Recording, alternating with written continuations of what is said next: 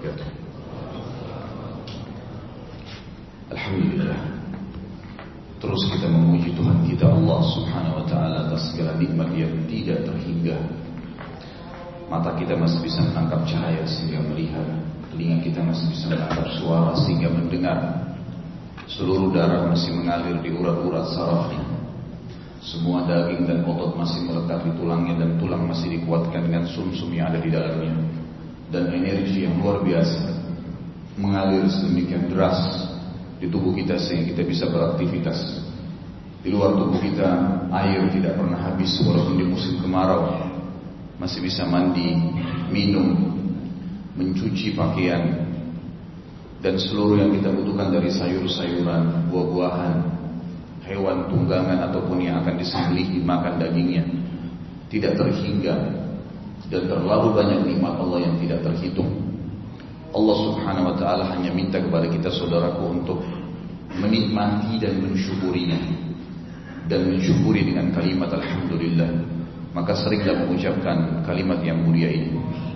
Juga kita panjatkan selawat dan taslim senantiasa sebagai kata sambutan hormat kepada idola kita, kiai kita satu-satunya, suri tauladan semua orang yang beriman. Siapa pun yang mengikutinya, beriman pada bawahan risalahnya, hidupnya akan tentram, dadanya akan lapang, punya panduan hidup, mana halal dan mana haram, dan pada saat meninggal masuk ke dalam surga.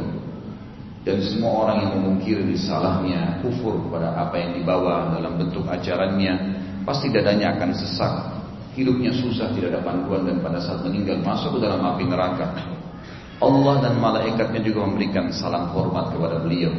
Maka sangat wajar kalau kita sebagai orang yang ingin selamat dan juga menjadikan beliau sebagai suri teladan selalu membacakan salawat dan taslim kepada Nabi Sallallahu Alaihi Wasallam. Lanjutkan bahasan kitab Minhajul Muslim dan malam ini semoga Allah berkahi waktunya.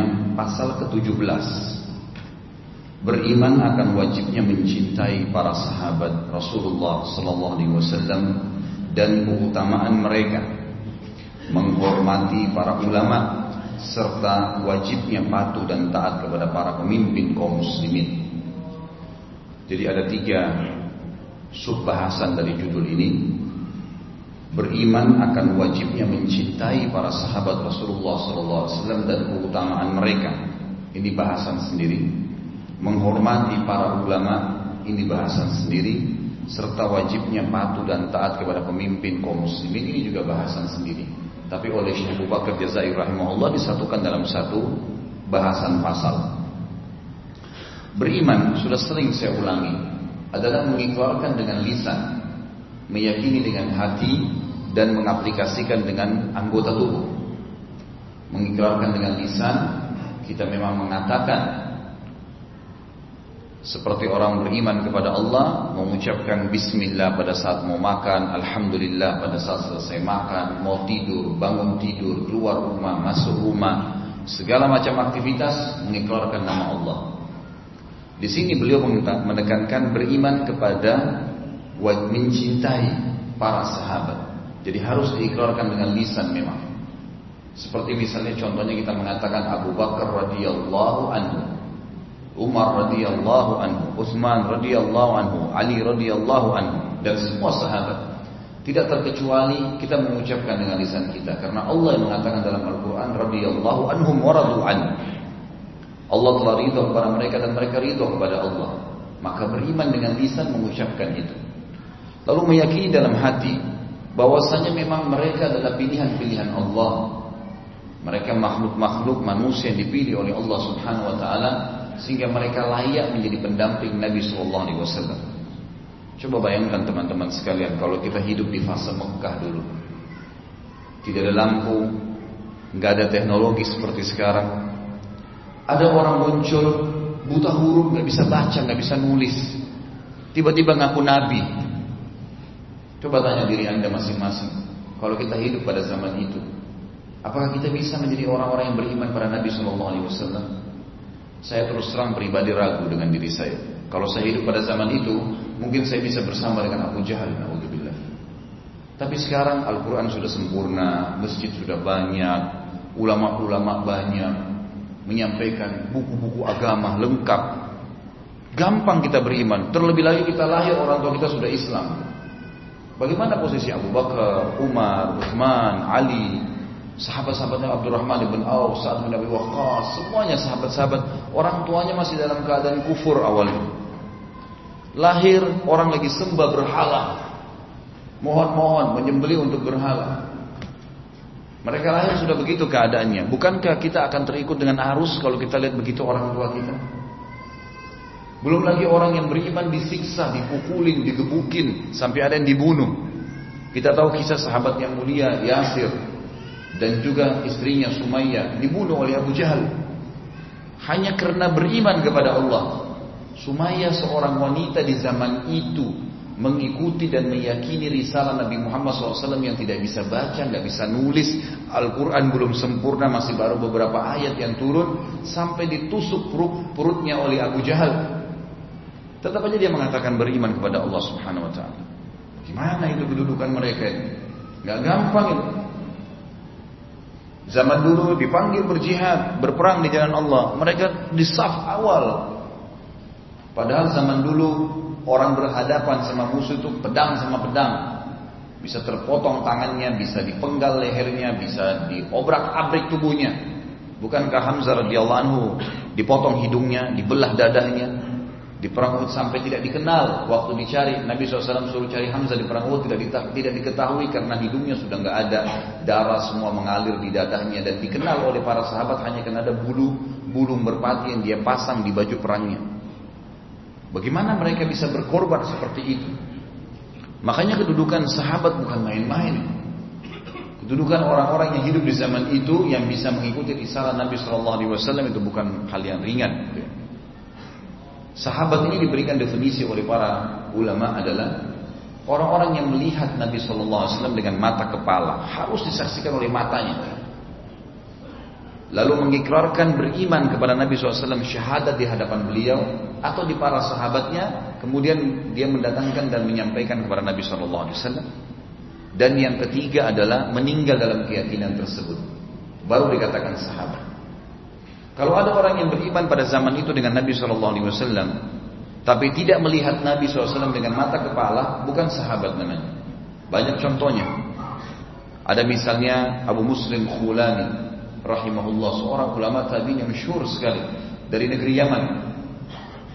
Sampai dia sempat mau dibakar ya, oleh Aswad al-Unsi, salah satu orang yang mengaku Nabi juga pada saat itu. Dia pas pergi ke Madinah, Pas tiba, kemarin baru Nabi SAW dimakamkan. Padahal dia beriman dulu. Sampai waktu dia masuk di masjid, Umar bin Khattab datang mendekati lalu mengatakan, sepertinya perasaan saya menganggap orang ini saya kenal. Lalu tiba-tiba Umar bin Khattab bertanya, bagaimana beritanya saudara kita yang sempat selamat dari pembakaran musuhnya Allah di Yaman? Maka Abu Muslim mengatakan, Allah telah menyelamatkan dia dari kejahatan orang itu. Lalu kata Umar, saya tanya kamu atas nama Allah, apakah kamu dia orang itu? Maka Abu Muslim mengatakan iya, sayalah orangnya dan saya ingin bertemu dengan Nabi SAW, tapi Nabi SAW sudah meninggal dunia. Dan ulama masukkan Abu Muslim Khulani yang terkenal dengan keimanannya itu kategori tabiin, bukan sahabat. Karena tidak sempat lihat Nabi SAW dengan mata kepala. Ada terkenal Shuraih, diberikan julukan Shuraih Al-Khadi. Shuraih ini terkenal 60 tahun jadi hakim dari zaman Umar bin Khattab di lima khalifah Uthman bin Affan, Ali bin Abi Thalib, Muawiyah bin Abi Sufyan dan Yazid bin Muawiyah. Lima khalifah ini semuanya dia menjadi hakimnya karena adilnya, terkenal dengan kesolehannya, tapi juga belum beriman di zaman Nabi SAW, tapi tidak sempat lihat Nabi SAW dengan mata kepala, masuk dalam kategori tabiin. Karena harus lihat dengan mata kepala. Wais al-Qarni yang terkenal dari Yaman, hidup di zaman Nabi SAW, tapi tidak sempat melihat Nabi, maka tidak dikategorikan sahabat. Sahabat ini punya definisi tersendiri. Yang itu. Sahabat ini teman-teman sekalian punya kedudukan yang sangat mulia dalam agama kita. Karena mereka melihat Nabi saja sudah sebuah penilaian, gitu kan? Belum lagi beriman, belum lagi mereka ikut berjuang bersama Nabi Shallallahu Alaihi Wasallam, berjuang membela agama ini. Mereka lah karena beberapa kasus di antara mereka turun beberapa ayat-ayat Al-Quran yang menjelaskan karena kasus misalnya ada suami istri yang bertengkar, kemudian turunlah ayat mungkin kasus peperangan mereka membunuh orang-orang kafir turunlah ayat kasus pengharaman khamar misalnya minuman keras juga turunlah ayat dari Umar radhiyallahu anhu dan seterusnya jadi memang agama ini sebenarnya lengkap Al-Quran terlengkapkan dan sunnah Nabi SAW sempurna juga itu di kalangan para sahabat pada saat mereka ada di sisi Nabi SAW. Dalam bahasa lain adalah syariat kita ini itu sebenarnya diterima oleh para sahabat dari Allah melalui Nabi Muhammad SAW. Artinya, pondasi agama kita yang akan menyampaikan kepada kita tentang agama ini adalah para sahabat. Kapan sahabat ini tidak dihormatin, tidak dihargai, apalagi sampai ditolak atau dikafirkan, sebagaimana kelompok Syiah melakukan itu, maka berarti sudah tidak ada yang bisa dipegangi dari agama. Karena mereka yang belajar dari Nabi Shallallahu Alaihi Wasallam. Bagaimana bisa ditolak ajarannya? Tidak mungkin. Sahabat-sahabat ini punya kedudukan yang sangat mulia teman-teman sekalian. Sisi yang lain dalam pembukaan materi kita, sahabat ini bertingkat-tingkat. Sahabat yang paling tinggi tingkatannya adalah yang dijamin oleh Nabi Shallallahu Alaihi Wasallam surga. Dan sebagian ulama mengatakan Nabi SAW sebutkan sesuai dengan urutannya. Dimulai dari Abu Bakar, Umar, Uthman, Ali, kan gitu. Empat khulafaur rasyidin lalu masuklah kepada sahabat-sahabat yang lain seperti Talha bin Ubaidillah, ya, kemudian masuk kepada sahabat yang lain Abdurrahman bin Auf, kemudian masuk Sa'ad bin Abi Waqqas, Sa'id bin Zaid, kemudian Abu Ubaidah bin Jarrah.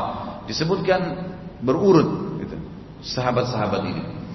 Ini adalah orang-orang yang teristimewa di kalangan sahabat karena mereka disebut oleh Nabi Shallallahu Alaihi Wasallam gitu kan, memiliki jaminan surga.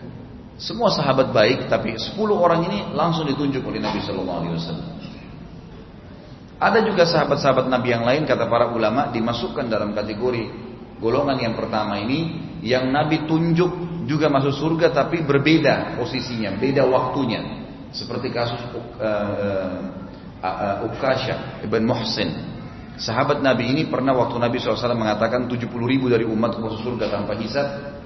Lalu dia berkata ya Rasulullah doakan saya termasuk satu dari 70 ribu. Kata Nabi SAW kau termasuk. Ada jaminan surga. Gitu kan? Ada beberapa sahabat yang seperti ini keadaannya. Maka secara mutlak para ulama mengatakan ini galangan sahabat yang paling dimuliakan oleh Allah karena langsung dijamin surga pada saat itu. Dan ini tidak membuat mereka lalai. Malah dengan mendapatkan jaminan tersebut mereka lebih luar biasa ibadahnya. Lebih luar biasa ibadahnya. Tidak pernah ketinggalan sholat malam, tidak pernah ketinggalan peperangan Nabi Wasallam. Luar biasa mereka, punya kedudukan sendiri. Dan saya mengajak Bapak Ibu sekalian bisa nonton di YouTube atau di web saya ada ceramah serial sahabat yang alhamdulillah sudah delapan orang sahabat kita bahas pada waktu yang lalu dan satu November nanti insya Allah juga ada bahasan kita di Nurul Iman kembali kita bahas sahabat yang ke-9 Sa'id, uh, Sa'id bin Zaid radhiyallahu anhu yang juga termasuk orang yang ke-9 dijamin masuk surga. Mereka punya kedudukan. Kemudian yang kedua adalah sahabat-sahabat Nabi yang khusus selalu mendekati Nabi Shallallahu Alaihi Wasallam untuk menuntut ilmu. Ini yang datang setelah mereka. Jadi ada kalangan sahabat teman-teman sekalian memang duduk bersama Nabi SAW belajar. Mereka nggak punya kegiatan lain. Dan Nabi SAW mengkhususkan sebuah tempat buat mereka di belakang rumah beliau yang dikenal dengan sufa dan dikenal dalam hadis dengan ahlus sufa, gitu kan. Sufa ini sebuah tempat di belakang rumah Nabi SAW seperti kalau kita juga kos rumah dulu yang Nabi SAW khususkan buat mereka. Mereka tinggal di situ. Ini kedudukannya juga tinggi sekali sahabat-sahabat ini karena setiap kali wahyu turun maka Nabi SAW menemui mereka. Jadi kadang-kadang wahyu turun di waktu duha, kadang-kadang habis duhur, kadang-kadang malam hari. Maka orang yang terdekat bersama Nabi Shallallahu Alaihi Wasallam adalah orang-orang ini. Saya bicara sekarang kalangan para sahabat laki-laki ya. Kalau sahabiat, maka kedudukannya yang paling dekat adalah sama dengan poin pertama para istri-istri Nabi.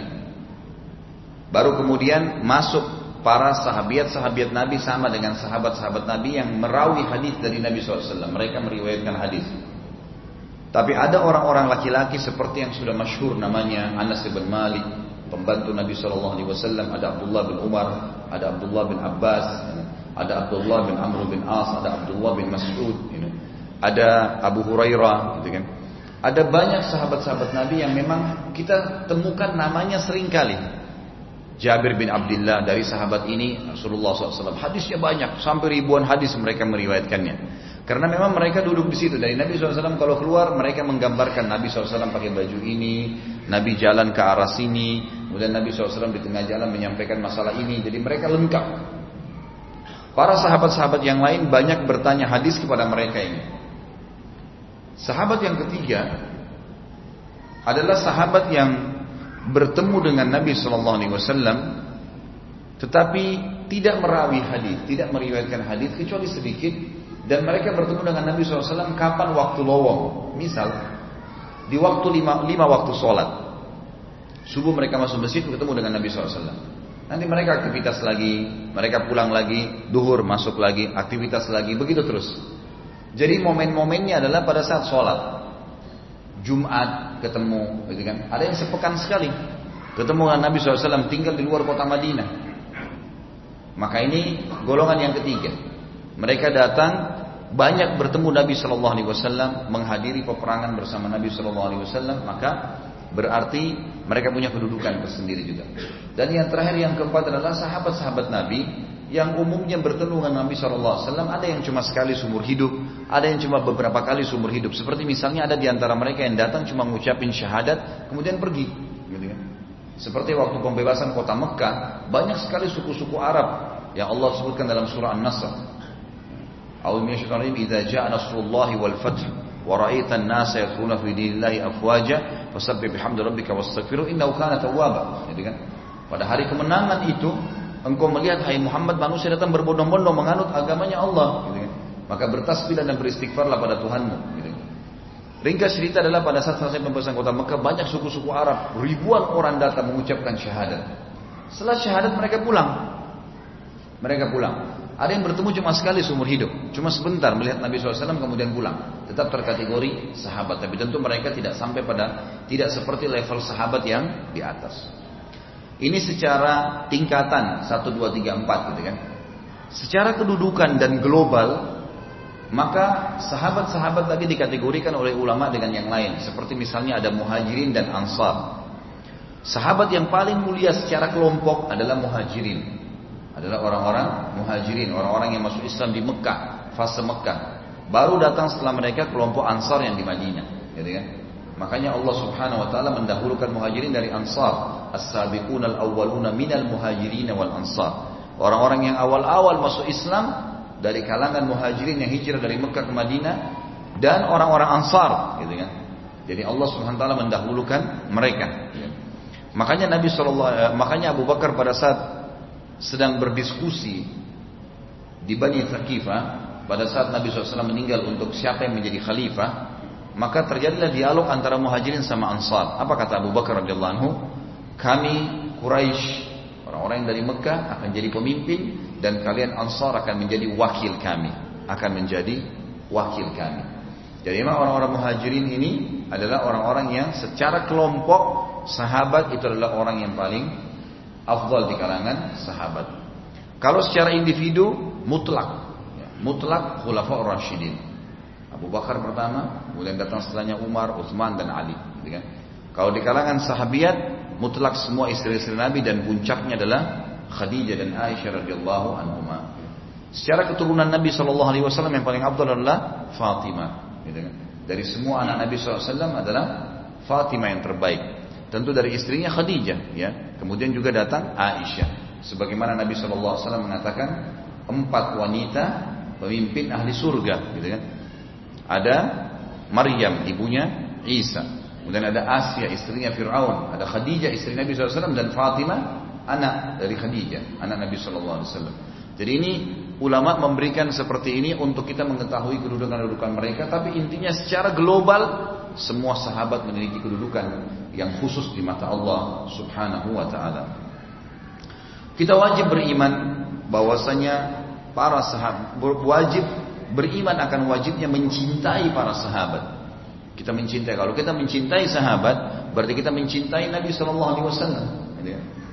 Misal kalau teman-teman di sini suka dengan seseorang figur misalnya, maka kita tentunya akan juga menyukai apa yang disukai oleh figur itu. Misal keluarganya, misal keluarganya, anak-anaknya, teman-temannya, gitu kan? Karena biasanya orang kalau sudah beriman kepada Allah Azza wa sudah baik ibadahnya, dia juga tidak akan sembarangan pilih pasangan hidup, dia nggak akan sembarangan didik anak-anaknya, dia tidak akan sembarangan berteman, gitu kan? Nggak mungkin.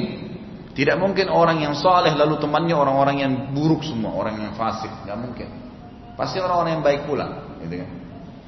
Jadi kita kalau menyukai seseorang, mencintai seseorang, kita akan mencintai orang sekitarnya. Mencintai sahabat adalah simbol cinta kepada Nabi Shallallahu Alaihi Wasallam. Karena kita yakin Allah tidak mungkin memilihkan untuk Nabi Muhammad SAW sahabat yang salah. Gak mungkin. Begitu pula tidak mungkin Nabi SAW memilih sahabat-sahabat dekatnya orang yang salah. Pasti Nabi SAW memilih orang-orang yang khusus, gitu kan? Seperti itu memahaminya. Dan kita harus tahu mereka punya keutamaan. Nanti akan kita sebutkan dalil-dalilnya berhubungan dengan masalah itu. Nanti juga akan kita jelaskan poin sub poin yang bahasan lain tapi digabungkan oleh beliau menghormati para ulama. Ulama ini adalah pewaris para nabi. Dan puncaknya mereka adalah para sahabat juga sebenarnya. Ulamanya umat ini sahabat, gitu kan?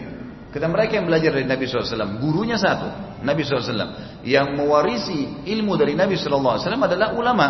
Sebagaimana beliau bersabda dalam hadis, al ulama warasatul anbiya. Ulama itu pewarisi para nabi. Berarti yang mewarisi dari Nabi Wasallam yang belajar langsung, gitu kan? yang menerima ilmu langsung adalah para sahabat. Berarti mereka ulamanya umat ini. Gitu? Dia kala sumber kita mengambil ilmu. Lalu kemudian datang setelahnya orang-orang yang belajar dari mereka. Dari kalangan tabi'in, terus tabi' tabi'in sampai menjelang hari kiamat nanti siapa pun yang mengikuti jejak mereka maka dipastikan dengan izin Allah mereka termasuk dalam kategori ulama-ulama ini. Di muka bumi cuma ada dua jalan Bapak Ibu sekalian dan tentukan dari sekarang. Nggak bisa enggak. Enggak ada jalan ketiga dan tidak bisa disatuin. Jalannya Allah Azza wa. Tuhan pencipta langit dan bumi dan kita yakin la ilaha illallah. Enggak ada Tuhan yang berhak disembah kecuali Allah. Jalannya Allah ini juru bicaranya adalah para nabi-nabi. Nabi-nabi meninggal, mereka wariskan kepada para ulama. Ya. Ulama lalu menyebar juga melalui dai-dai yang belajar dari mereka. Jadi kalau anda mau mengenal Tuhan anda Allah dan ini adalah jalan yang benar, nggak ada jalan yang lain, tidak mungkin salah karena Tuhan juga cuma satu Allah Azza wa Maka kita belajar dari para dai-dai dan ulama ini yang mewarisi dari para nabi-nabi. Jalan kedua jalan syaitan dipimpin oleh iblis. Juru bicaranya dukun, peramal, penyamun, penyihir dan ahli maksiat. Anda bergaul sama mereka pasti dituntun ke jalan syaitan, ujung-ujungnya masuk neraka. Pasti sesat. Gitu kan? Gak mungkin sudah. Dan tidak ada jalan yang ketiga. Cuma dua ini. Kita tentukan di sini atau di sini. Gitu kan? Dan tidak bisa disatuin. Orang yang kalau satuin diistilahkan dalam agama dengan fasik. Orang fasik itu masih yakin ada Allah tapi masih berbuat dosa juga. Maka ini dihardik oleh Allah Subhanahu wa taala gitu kan. Tidak dianjurkan untuk jadi itu karena bimbang dan orang seperti ini tidak akan pernah khusyuk ibadah kepada Allah Subhanahu wa taala karena masih masih bercampur baur dengan dosa-dosa yang mereka lakukan. Kita harus harus hukumnya wajib menghormati para ulama itu. Harus. Nanti akan kita jelaskan karena mereka pewarisnya Nabi. Jadi sebenarnya kalau Anda melihat para ulama seperti Anda melihat Nabi tanda kutip ya. Tapi dia bukan Nabi, dia hanya mewarisi. Karena apa yang dia sampaikan, apa yang disampaikan oleh Nabi itu. Anda lihat kalau di pengajian Rasulullah SAW bersabda, Rasulullah SAW melakukan ini, Rasulullah SAW melarang begini. Kan Rasulullah yang diceritain, gitu kan? Lalu para sahabat diceritain, berarti ulama-ulama ini luar biasa nih, penerusnya para nabi. Mesti dikemas, dijaga. Jangan sampai ulama itu lecet sedikit pun. Kalau saya sering bahasakan sebenarnya ini barang antiknya eh, umat Islam ini. Gak boleh sembarang. Jangan biarkan ulama itu capek, letih. Akhirnya mereka tersibukkan dengan urusan dunia dan akhirnya urusan dunia, urusan ilmunya ini terbengkalai. Kalau di Saudi itu ulama sangat dihormatin, luar biasa. Diberikan kedudukan. Di masjid-masjid ditaruhkan kursi-kursi khusus, di Masjid Nabawi, di Masjid Haram Mekah. Mereka duduk, mereka menyampaikan ilmu, dikasih gaji setiap bulan, mobilnya dibelikan. Bahkan tidak jarang di antara mereka, listrik rumahnya, makanan di rumahnya semua dipenuhi oleh orang-orang, diperebutkan. Karena mereka tahu ini seperti saja, ini pewarisnya Nabi ini. Kalau mereka tidak ada beban pikiran masalah dunia, lalu mereka hidup, maka mereka akan leluasa menyampaikan ilmunya kepada umat. Dan umat ilmu ini hati-hati. Kata Ibnu Abbas radhiyallahu anhu pelajari ilmu itu dari para ulama sebelum ilmu itu diangkat oleh Allah. Karena Nabi SAW bersabda, ya, ilmu itu Allah tidak akan mengangkat ilmu agama ini begitu saja, tapi Allah angkat dengan dimatikannya para ulama. Kalau mereka mati dan tidak sempat kita belajar ini luar biasa kehancuran bagi umat. Tidak ada tahu lagi mana halal haramnya Allah. Dan kalau terjadi itu maka akan hancur umat ini. Siapa yang mau pandu mereka kalau bukan ulama? Makanya harus jadi pemimpin orang alim. Yang harus menjadi panutan adalah orang alim. Yang jadi idola orang alim harus, nggak boleh enggak. Nggak boleh enggak. Bapak Ibu bisa kembali ke ceramah saya waktu masalah pilpres kemarin. Saya sempat ceramah panjang lebar tentang kriteria pemimpin. Sampai saya teriak-teriak di mimbar-mimbar Jumat. Ya muslimin, kita disuruh menjadikan pemimpin negara kita alim, nggak boleh orang lain, nggak boleh orang bodoh gitu. Secara agama, Syaratnya harus bisa memimpin lima waktu sholat. Nabi SAW selama memimpin 11 tahun, 10 tahun di Madinah, jadi imam lima waktu sholat. Abu Bakar jadi imam di Masjid Nabawi. Abu Umar jadi imam, Uthman jadi imam, Ali jadi imam. Mestinya presiden kita jadi imam lima waktu sholat di Istiqlal. Harus. Dia harus bisa. Syarat imam harus terpenuhi padanya. Hafal Al-Quran, bacaannya bagus, tahu halal haramnya Allah. Harus itu. Sayangnya umat ini nggak sadar gitu loh. Kalau ada seorang alim mulai nonjol, wih kenapa kok itu masuk di kancah politik ya? Loh subhanallah, kalau bukan dia yang dipilih lalu siapa?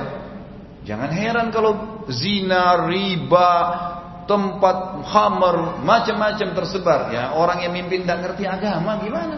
Gitu kan? Nggak mungkin. Umar bin Khattab radhiyallahu begitu jadi khalifah, yang paling pertama dilakukan semua gubernurnya di semua wilayah Islam ini harus orang alimnya sahabat, harus.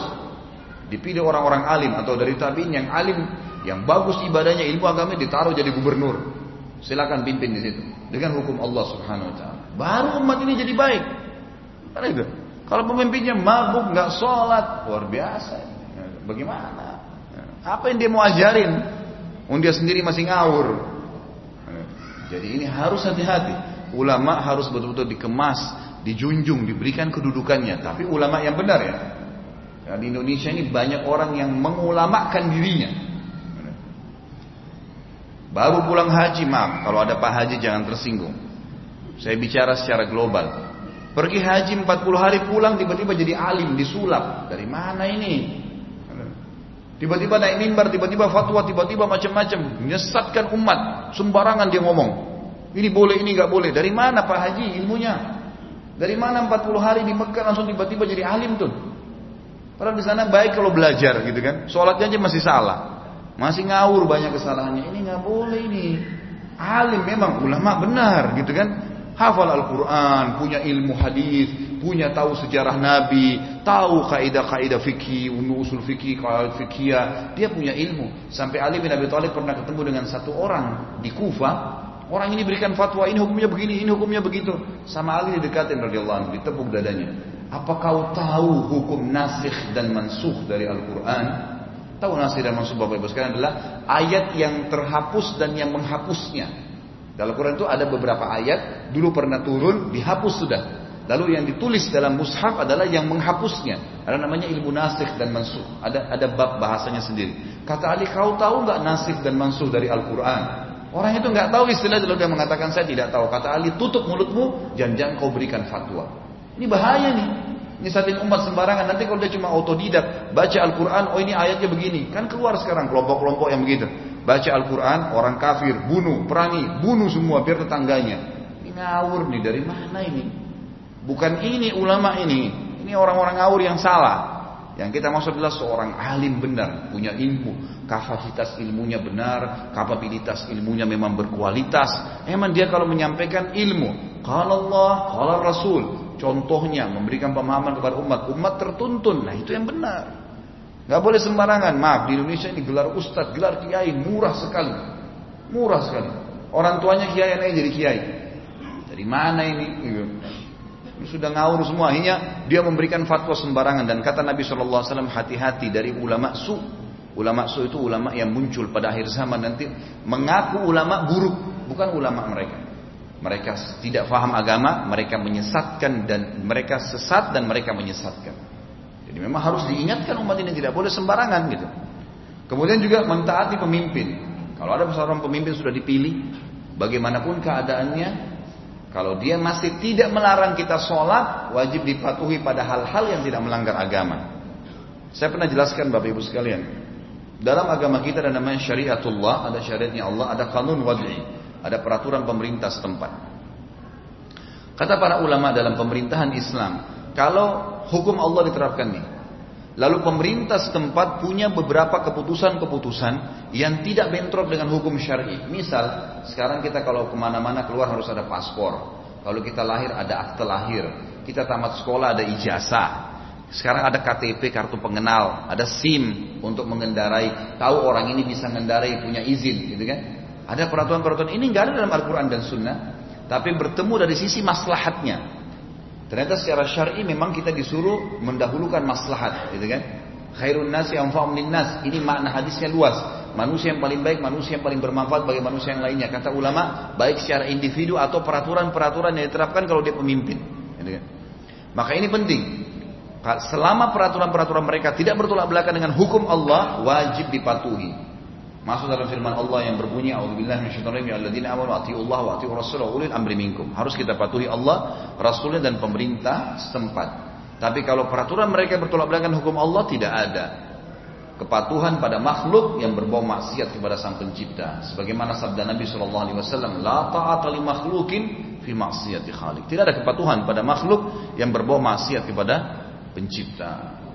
Jadi ini saya titik beratkan tadi adalah makna daripada apa yang sedang beliau ingin bahas.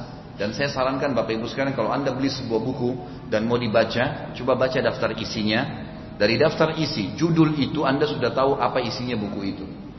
Barulah kemudian kita membaca sesuai dengan apa yang kita suka dari sub-sub bab itu, baru kemudian kita akan menghabiskan buku itu. Saya akan bacakan. Kata Syekh Abu Bakar rahimahullah, seorang muslim beriman akan wajibnya mencintai para sahabat Nabi Muhammad sallallahu alaihi wasallam dan keluarganya serta keutamaan mereka atas kaum mukminin dan muslimin lainnya dan beriman bahwasanya keutamaan dan ketinggian derajat di antara mereka berbeda-beda tergantung kepada keterlebih dahuluan mereka di dalam berislam. Orang-orang yang awal masuk Islam tadi saya katakan. Para tokoh sahabat Nabi yang paling utama adalah empat khulafaur rasyidin yaitu Abu Bakar, Umar, Uthman dan Ali radhiyallahu anhum ajma'in. Lalu berikutnya adalah sepuluh orang yang telah dinyatakan pasti masuk surga. Mereka adalah empat khulafaur rasyidin ditambah dengan Talha bin Ubaidillah, Zubair bin Awam, Sa'ad bin Abi Waqqas, Sa'id bin Zaid, Abu Ubaidah bin Amr bin Jarrah dan Abdurrahman bin Auf radhiyallahu anhum ajma'in. Kemudian para sahabat yang ikut pada perang Badr, ya, peperangan Badr juga yang hadir punya kedudukan tersendiri. Lalu orang-orang yang diberitakan pasti masuk surga selain dari yang sepuluh tersebut seperti Fatimah Zahra dan kedua putranya Hasan dan Husain, Thabit ibn Qais, Bilal ibn Rabah dan lain-lainnya radhiyallahu anhum ajma'in. Setelah itu para sahabat yang ikut serta dalam bayat Ridwan. Jadi ada kesepakatan Ridwan di bawah pohon pada saat Nabi Shallallahu Alaihi Wasallam selesai membebaskan kota Mekah dan akhirnya ya menyerang ya, beberapa tempat di sekitar Mekah. Lalu kemudian beliau mengambil bayat pada saat itu untuk berkumpul di bawah sebuah pohon agar para sahabat berkumpul melawan musuh-musuh Allah. Yang jumlahnya mencapai 1.400 orang sahabat. Seorang muslim juga beriman dengan kewajiban menghormati para ulama Islam, memuliakan dan bersikap penuh etika kepada e, ketika menyebut mereka. Mereka adalah para ulama agama dan pemuka yang memiliki hidayah seperti para qurra, pembaca-pembaca Al-Qur'an dan hafal Al-Qur'an, para ahli fikih, ahli hadis dan ahli tafsir dari generasi generasi tabi'in dan tabi' tabi'in. Generasi yang datang belajar dari para sahabat, yang belajar dari Nabi namanya sahabat, yang belajar dari sahabat namanya tabi'in. Yang belajar dari tabi'in namanya tabi' tabi'in, disilakan begitu. Semoga Allah melimpahkan rahmatnya kepada mereka semua. Seorang muslim juga beriman akan wajibnya taat kepada para pemimpin kaum muslimin. Memuliakan dan hormat kepada mereka, berjihad bersama mereka, sholat bermakmum kepada mereka, dan haram membangkang kepada mereka. Dan untuk itu semua seorang muslim konsisten dan berpegang teguh pada adab atau etika khusus berkenaan berkenaan dengan itu. Nanti akan dijabarkan oleh beliau. Tapi ada sebuah hadis yang berhubungan dengan masalah pemimpin ini sabda Nabi Shallallahu Alaihi Wasallam dalam riwayat yang sahih akan datang pemimpin nanti yang kalian suka sebagian keputusannya karena sesuai dengan hukum Allah dan ada yang kalian tidak suka. Maka para sahabat mengatakannya Rasulullah, boleh kami memberontak dengan pemimpin seperti itu? Kata Nabi SAW tidak boleh selama mereka tidak melarang kalian sholat. Tolong ukurnya masjid masih bisa dibuka sholat. Atau dalam riwayatnya dikatakan mereka masih sholat sama kalian tidak boleh kita membangkang. Wajib patuh. Jadi bapak ibu sekalian tidak boleh melanggar lampu merah. Tidak boleh asal-asalan tidak punya KTP, tidak punya SIM. Harus ikut. Dan itu bentuk ibadah kepada Allah Subhanahu Wa Taala. Baik kita mulai terhadap para sahabat Rasulullah SAW dan keluarganya, maka seorang muslim wajib yang pertama mencintai mereka. Mencintai ini tidak harus melihat ya. Seperti bisa contoh gini, kalau bapak ibu suka atau ada orang yang suka dengan seorang artis misalnya, kita bukan sedang membahas artisnya. Tapi kalau ada seorang artis yang disukai, misal tinggal di Amerika, orang itu di Indonesia, bisa nggak kira-kira dia cinta sama artis itu? Bisa. Alami, gitu kan? Dia suka karena suaranya kah? Dia suka karena perilakunya kah? Terus pada saat dia sudah mencintai orang itu, apa yang dia lakukan? Dia akan ikuti makanannya apa, makanan favoritnya, warna bajunya, bahkan cara jalannya, semuanya diikutin kan? Poster-posternya bahkan dipasang-pasang, gitu kan? Bahkan cara bicaranya diikutin, semua begitu. Maksud saya di sini bukan sedang menarik contoh artis, lupakan itu. Tapi yang saya maksudkan adalah kalau dikatakan mencintai para sahabat, kita bisa mencintai mereka walaupun tidak bertemu. Dengan cara mempelajari sejarah mereka, menjadikan mereka sebagai panutan dan idola kita, karena mereka orang yang bertemu dengan Nabi Shallallahu Alaihi Wasallam, maka secara otomatis gerak-gerik mereka, cara bicaranya, perilaku perilaku mereka, perjuangan mereka akan kita ikutin, gitu kan? Akan kita ikutin. Kenapa Bapak Ibu sekalian kisah Abu Bakar, Umar, Uthman, Ali, Talha, Zubair dan sahabat-sahabat Nabi yang lain ternukil kepada kita sekarang? Apa kira-kira hikmahnya? Hanya sekedar supaya Bapak Ibu bilang, oh itu Abu Bakar, oh itu Umar radhiyallahu anhu majma'in. Bukan itu. Supaya kita ambil pelajaran dan kita mencontohi hidup mereka. Bukan mustahil kita mendapatkan fadilah yang sama kok. Maksudnya kita bisa bersama mereka masuk surga. Tentu kalau dari sisi kedudukan nanti itu tidak mungkin sama antara kita dengan sahabat. Tetapi kita bisa bersama mereka karena kita menciplak, gitu kan? Apa yang mereka lakukan? Tujuannya untuk itu.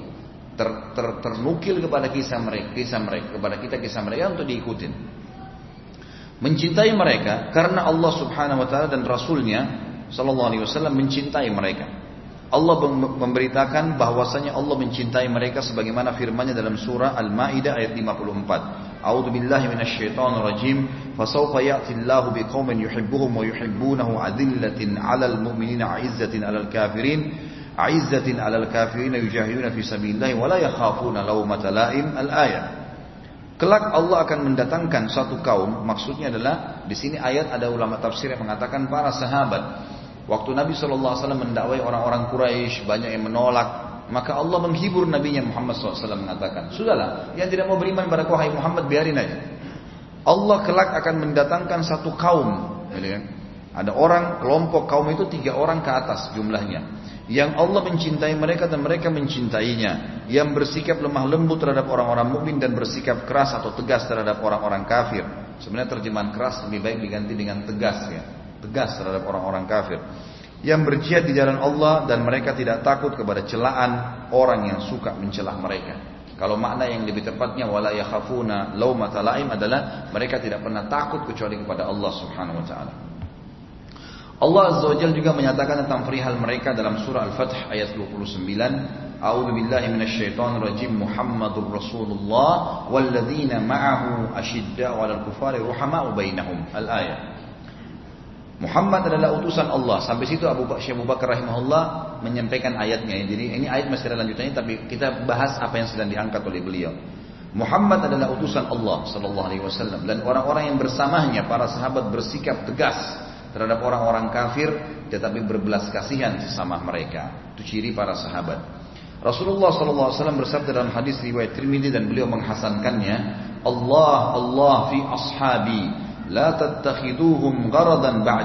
faman ahabbahum fabihubbi ahabbahum wa man abghadahum fabibughdi abghadahum wa man adahum faqad adani wa man adani faqad ada Allah wa man ada Allah yushiku an ya'khudha takutlah kepada Allah. Takutlah kalian kepada Allah dalam hak-hak para sahabatku. Ini semestinya sampai ke telinganya orang-orang yang berfaham Syiah ini. Bagaimana sabda Nabi Shallallahu Alaihi Wasallam? Apalagi orang-orang di Indonesia ini ikut-ikutan, simpatisan, tidak ngerti apa itu Syiah. Kalau mereka tahu bagaimana sebenarnya hakikatnya mereka tidak bakal ikut, mustahil ikut. Kan? Bagaimana mereka mengatakan Al-Quran kurang, sahabat dikafirkan, mencaci maki. Kalau ngomong Abu Bakar itu salah, Umar itu salah, seperti temannya sendiri. Siapa kamu? Gitu. Kamu hidup di zaman mana? Apa yang sudah kamu lakukan buat agama ini? Apa? Andil kamu apa? Baik kalau sholatnya sudah diterima atau sudah bagus sholatnya. Masih ngaco balok gitu. Istrinya mungkin belum tutup aurat. Masih kekacauan berbagai macam dalam kehidupan dia. Kemudian mau mencaci maki para sahabat yang turun wahyu Allah kepada mereka. Rasulullah SAW menjadikan mereka sebagai sahabat-sahabat pilihannya. Itu bagaimana bisa? Kata Nabi SAW hati-hati, takutlah kepada Allah terhadap hak-hak sahabatku. Jangan sampai kalian mencaci mereka, jangan sampai kalian yang merusak, merusak citra mereka. Jangan menjadikan mereka sebagai sasaran cecal, cecaan ya, atau celaan sepeninggalku. Nabi sudah ingatkan sallallahu alaihi wasallam. Sudah tahu kalau ada orang akan mencaci maki para sahabatnya.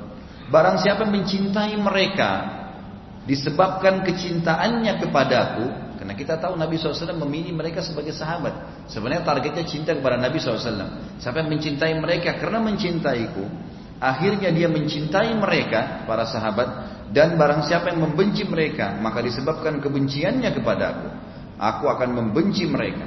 Barang siapa yang menyakiti mereka, maka berarti dia telah menyakitiku, menyakiti sahabat siapa pun. Dan barang siapa yang menyakitiku, maka berarti telah menyakiti Allah dan barang siapa yang menyakiti Allah niscaya Allah akan mengazabnya. Seperti orang-orang Syiah subhanallah, mereka setiap hari Asyura, ini nanti tanggal 10 Asyura hari Jumat, kacau balau tuh semuanya. Tanpa disuruh, mereka anggap ibadah, mereka ambil pedang, pisau, pukul-pukul badannya sendiri. Subhanallah. Coba pikir secara akal saya teman-teman sekalian, kalau ada orang yang mencaci maki seorang muslim, mencoreng kehormatannya, membuat berita dusta atau menyatakan muslim itu berzina, gitu kan? Maka hukumnya dalam Islam dicambuk 40 jerah dalam Islam. Bahkan yang saya saya tahu itu ada riwayatnya menjelaskan 80 jerah, haddul muftari namanya. Cambukan bagi orang yang dusta, gitu kan, mengarang-arang. Subhanallah, mereka tidak dihukum sama manusia karena mereka punya pemerintahan dan seterusnya seperti kita tahu di Iran. Apa yang terjadi? Allah Subhanahu wa taala yang menghukum mereka. Mereka anggap syariat mengambil pisau mencambuk dirinya sendiri sampai berdarah-darah. Kita tidak ambil pelajaran dari situ kira-kira. Orang-orang ini tidak ambil pelajaran bahwasanya dia siksa dirinya sendiri sampai anak kecil. Anda boleh lihat di gambar-gambar foto-foto mereka kalau Asyura, anak kecil pun dicambuk, dibiarkan berdarah kepalanya dengan alasan membela darahnya Husain. Ini dari mana ya? Husain radhiyallahu anhu mati syahid ahli sunnah sepakat masalah itu. Gak ada yang pungkiri. Dan orang Syiah ini tidak ada alasan untuk memerangi ahli sunnah sama sekali nggak ada alasannya. Ali radhiyallahu anhu dianggap tokoh. Umat ahli sunnah mengatakan Ali radhiyallahu tokoh. Khulafaur Rasyidin, sahabat yang mulia, dimuliakan kita selalu mengatakan radhiyallahu anhu, terkenal sepupu Nabi sallallahu alaihi wasallam. Fatimah Al-Batul radhiyallahu anha terkenal. Az-Zahra anak Nabi SAW, semua kita mencintai Fatimah. Tidak mungkin ada seorang yang memahami sunnah Nabi SAW membenci anaknya Nabi SAW yang Nabi menjadikan mengatakan sebaik-baik penghuni ahli surga termasuk Fatimah radhiyallahu anha. Kita menghormati Fatimah, gitu kan? Hasan dan Husain anaknya kita mengakui sabda Nabi SAW dua-duanya adalah anak muda, pemimpin anak muda di surga radhiyallahu anhuma. Kita puji semua sahabat memujinya, kita juga memujinya. Gitu kan? Apa alasannya? Dan kita mengatakan Husain radhiyallahu terbunuh, mati syahid di Karbala. Memang mati syahid. Dan yang membunuhnya zalim. Kalau mereka tidak, yang membunuhnya kafir dan semuanya kafir. Bahkan mereka menganggap semuanya ahli sunnah adalah orang kafir, halal darahnya. Ini bahaya sekali. Jadi sudah jelas sekali sabda Nabi SAW. Yang kedua, hmm? masuk waktu. Azan dulu, nanti insya Allah kita lanjutkan setelah sholat seperti biasanya. Habis sholat ba'diyah saya lanjutkan beberapa dalilnya dulu. Subhanakallahumma bihamdika asyhadu an la ilaha illa anta Wassalamualaikum warahmatullahi wabarakatuh.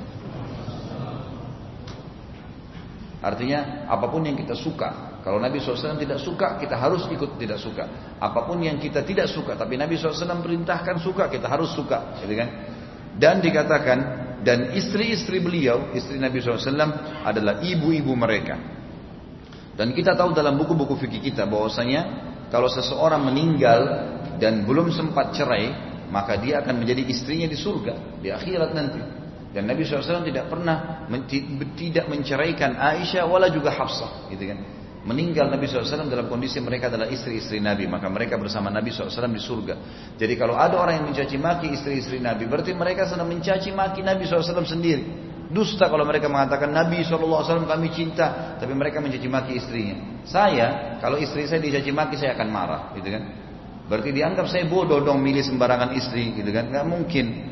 Maka ini harus difahami teman-teman sekalian, fitnah yang ada di tengah-tengah umat ini justru karena memang dibuat-buat oleh orang Yahudi untuk memecahkan umat dan menolak syariat dari asalnya, dari akarnya itu para sahabat ridwanullahi alaihim.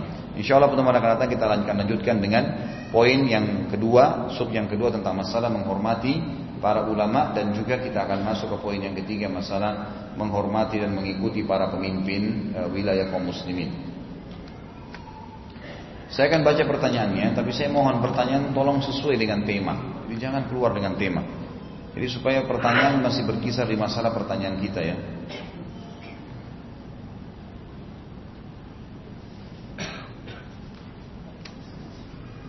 Ada pertanyaan yang lain yang belum diajukan? Baik, kalau tidak ada kita cukupkan dengan beberapa yang ada sama saya sekarang ini, tapi saya eh, terpaksa harus membacanya. Ini sebenarnya tidak sesuai dengan tema ya. Bolehkah seorang wanita menyentuh laki-laki yang bukan mahram, tetapi bukan sentuhan langsung kulit dengan kulit, misalnya dengan pelapis atau sarung tangan? Apa sebabnya dulu? Kenapa harus sentuhan? Kalau dalam masalah medis, gak ada masalah. Pengobatan. Karena Nabi Shallallahu Alaihi Wasallam mengajak dalam peperangan beberapa sahabat Nabi dan mereka bekerja untuk memasak makanan untuk para sahabat dan juga mengobati sahabat yang luka. Kalau dalam pengobatan boleh dan sudah umum pendapat para ulama bolehnya perempuan berobat dengan dokter laki-laki dan dokter eh, pasien laki-laki berobat dengan dokter perempuan. Kalau memang mereka tidak temukan yang sesama jenisnya gitu kan? Atau memang ada keahlian yang tidak dimiliki oleh yang sesama jenisnya. Itu yang saya tahu. Tapi selain itu tidak dibolehkan. Karena Nabi SAW mengatakan dalam hadis Sahih riwayat Imam Ahmad yang berbunyi Inilah usabihun nisa. Saya tidak akan menyalami wanita. Dalam hadis lain dikatakan la yut'ananna ahadukum bimikhyatin min hadid khairul lahu min an tamassu yadu imra'atin la tahillulah. Seseorang di antara kalian ditusuk dengan besi yang tajam lebih ringan baginya daripada dia menyentuh tangan wanita yang tidak halal baginya. Ya, memang dilarang. Nabi SAW tidak bersalaman dengan yang bukan marah menyentuh juga termasuk ada ancaman yang keras. Mohon bisa dijelaskan maksud daripada menjaga izza dan iffa bagi wanita ataupun laki-laki. Izza artinya kemuliaan. Kalau ifa itu kesucian jiwa. Jadi, jadi seperti itulah. Kalau kemuliaan kemuliaan izza itu mempertahankan kebenaran. Seperti misalnya kita mempertahankan Islam, mempertahankan sunnah Nabi Shallallahu Alaihi Wasallam, itu namanya izza. Kemuliaan di situ ada. Kita mempertahankan kemuliaan yang memang dimuliakan oleh Allah dan Rasulnya Shallallahu Alaihi Wasallam. Kalau ifa, ifa itu dia lebih kepada pribadi, bagaimana dia mensucikan jiwanya. Misal orang tidak minta-minta, gitu kan? Dikatakan dia iffa, dia menutup auratnya dengan rapat sehingga dia tidak terlihat, tidak tersingkap, maka dikatakan iffa. Seperti itu pemahamannya. Jadi dari makna kalimat ini Anda tinggal tarik dalam apa yang Anda inginkan dalam kehidupan sehari-hari. Bagaimana maksud dari tunduk dalam berbicara pada surah Al-Ahzab ayat 32 dan apakah ini hanya dikhususkan bagi istri-istri Nabi? Tentu saja bukan. Yang dimaksud sini wala yakhdha'na bil qaul, jangan janganlah eh, eh, janganlah mereka eh, mengangkat suara mereka, mengangkat suara mereka. Yang akhirnya kata Allah yatma alladhi fi qalbihi marad sehingga nanti bisa membuat orang yang dalam hatinya ada penyakit syahwat itu tertarik. Maksudnya melemah lembutkan suara, bermanja-manja itu tidak dibolehkan. Jadi dalam Islam kalau perempuan butuh sesuatu dia sampaikan dengan tegas apa yang dia inginkan bagi yang bukan yang bukan mahramnya, yang bukan suaminya, gitu kan? Tolong bantu seperti ini, tolong pindahkan itu. Jadi bukan dengan kata-kata manja, memanggil dengan sayang atau apa itu tidak dibolehkan. Itu yang dimaksud. Dan ini bukan khusus untuk istri-istri Nabi, tapi semua wanita muslimah dianjurkan seperti itu. Pada saat sholat berjamaah, pada saat imam bangkit dari ruku membaca sami Allahu liman hamida, apa makmum tetap juga membacanya atau langsung membaca Rabbana walakal hamd dan seterusnya. Karena saya mendengar dari dengan narasumber yang berbeda, ada yang mengatakan makmum tidak perlu membacanya lagi, langsung membaca Rabbana. Makmum tetap membacanya karena bacaan imam tidak menggugurkan kewajiban makmum membacanya. Kalau yang saya tahu dalam riwayat yang sahih memang dia sudah langsung membaca Rabbana walakal hamd. Itu yang disebutkan dalam riwayat-riwayat yang sahih. Jadi kalau sholat berjamaah pada saat imam mengatakan Sami Allahu liman hamida, dia cukupkan dengan mengatakan Rabbana walakal hamd. Karena secara makna dikatakan Allah telah mendengar siapa pun yang memujinya maka kita imam sudah mengatakan seakan-akan mengajak makmumnya untuk memuji maka mereka langsung membaca Rabbana walakal hamd. Dan itu sudah dijelaskan. Termasuk Syekh Jibrin rahimahullah menulis dalam buku beliau sifat salat Nabi riwayat menukil riwayat yang dinukil dengan sanad yang sahih. Pada saat sesama wanita melakukan sholat berjamaah yang diimami juga oleh wanita, apakah ada kewajiban membaca iqamah? Yang saya tahu ijtihad para ulama mengatakan tidak ada iqamah bagi kaum wanita.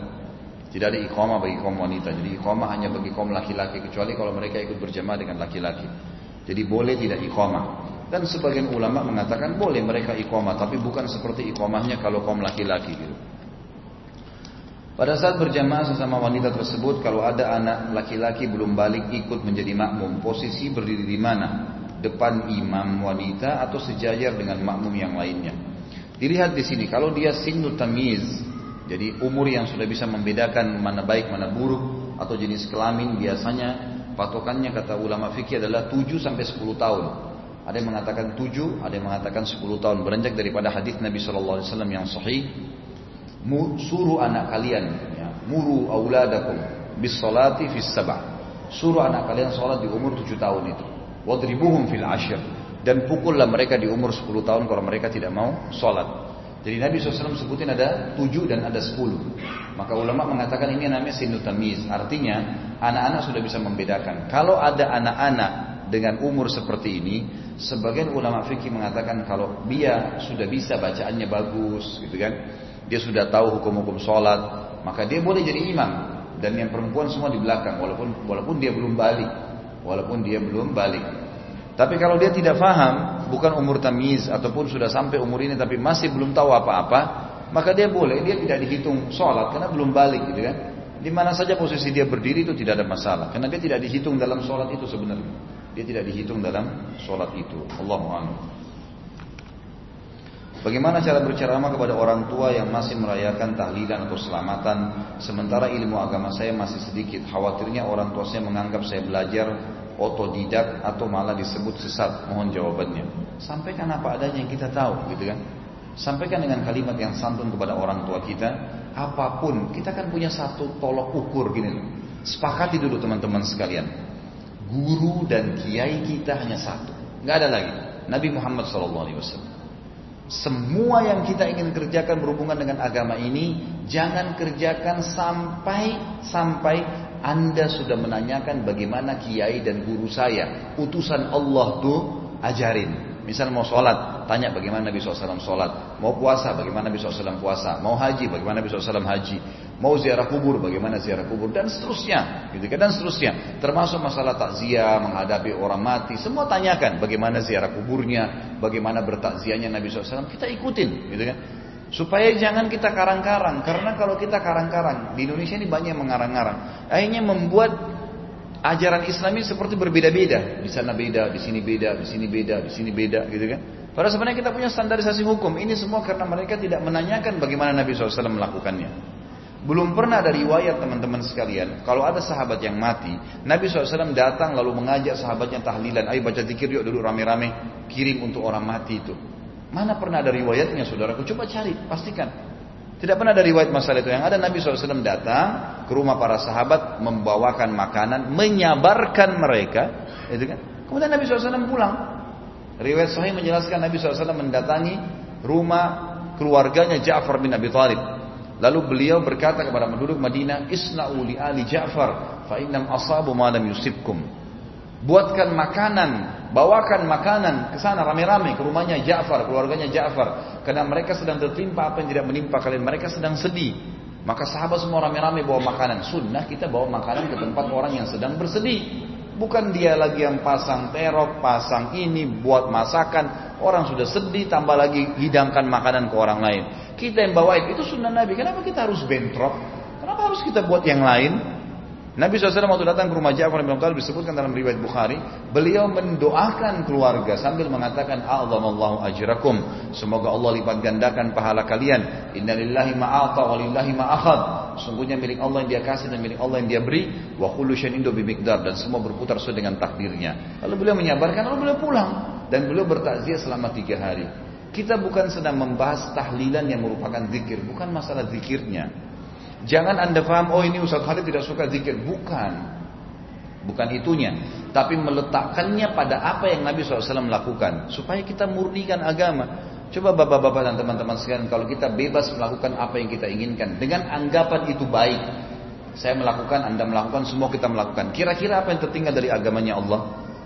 Udah gak ada. Nanti akan ditinggalkan. Tidak ada lagi kemurnian dalam agama ini. Sementara kata Nabi SAW, dalam hadis yang sahih riwayat Imam Ahmad, semoga Allah merahmati seorang hamba yang menukil dari saya seperti apa yang dia tangkap, seperti apa yang dijelaskan, seperti apa yang disampaikan. Artinya secara letter-let sampaikan dari saya. Jangan ditambah, jangan dikurangin, gitu kan? Seperti itu. Jadi kemurnian agama terjaga terus kan? Seperti itu maksudnya. Jadi jangan kita tambah-tambahin. Itu maksudnya. Jadi jangan difahamin sedang disorotin ibadahnya, bukan. Berzikir tahlil itu adalah ibadah. Afdal zikir la ilaha illallah itu Nabi SAW bersabda kan, zikir yang paling afdal adalah la ilaha illallah. Itu memang paling afdal. Kita disuruh baca. Tapi pertanyaannya kalau kita mau tarik ibadah ke ibadah yang lain, tanya. Nabi SAW pernah nggak ziarah kubur ibadah? Baca Quran di kuburan, baca Quran ibadah. Tapi membaca Quran di kuburan tanya, Nabi pernah baca Quran nggak di kuburan? Tanya, cari riwayatnya. Ada nggak riwayat? Kalau kita dapatkan riwayatnya silahkan kerjakan. Kalau tidak ada riwayatnya jangan dikerjakan. Karena kalau kita mengumumi nanti jadi masalah nih. Nabi SAW dalam riwayat datang ke kuburan, memberikan salam, mendoakan, pulang. Itu memang hadisnya. Tidak lebih daripada itu. Maka lakukan seperti apa yang beliau lakukan. Kalau anda memang betul-betul mau menjadi pengikut Nabi SAW. Kan gitu. Apabila di suatu negara tidak menjalankan hukum syari, kemudian ada penjahat yang membunuh dan tidak diadili secara Islam, dosanya ditanggung oleh pemimpin kah? Tentu saja. Ya, pemimpin itu akan menanggung kalau ada pemimpin yang tidak menerapkan hukum Allah Subhanahu wa taala, maka dia menanggungnya. Pasti dia menanggung gitu kan? Karena dia punya kedudukan, dia manusia bisa menerapkan hukum Allah Subhanahu wa taala. Tapi kalau orang itu sempat melakukan perbuatan kemudian dia bertaubat, ini sisi yang lain ya. Pelaku tadi kalau dia sempat bertaubat dan belum sempat dihukum dengan hukum Allah, tapi sempat bertaubat maka dimaafkan oleh Allah. Tapi kalau dia tidak sempat bertaubat, dia tetap akan kena hukum di hari kiamat nanti. Tetap akan ada hukum di hari kiamat nanti. Waalaikumsalam warahmatullahi Seorang kawan saya menitipkan pertanyaan kepada saya beberapa hari lagi dia akan safar ke dua negara, Jepang dan Kanada.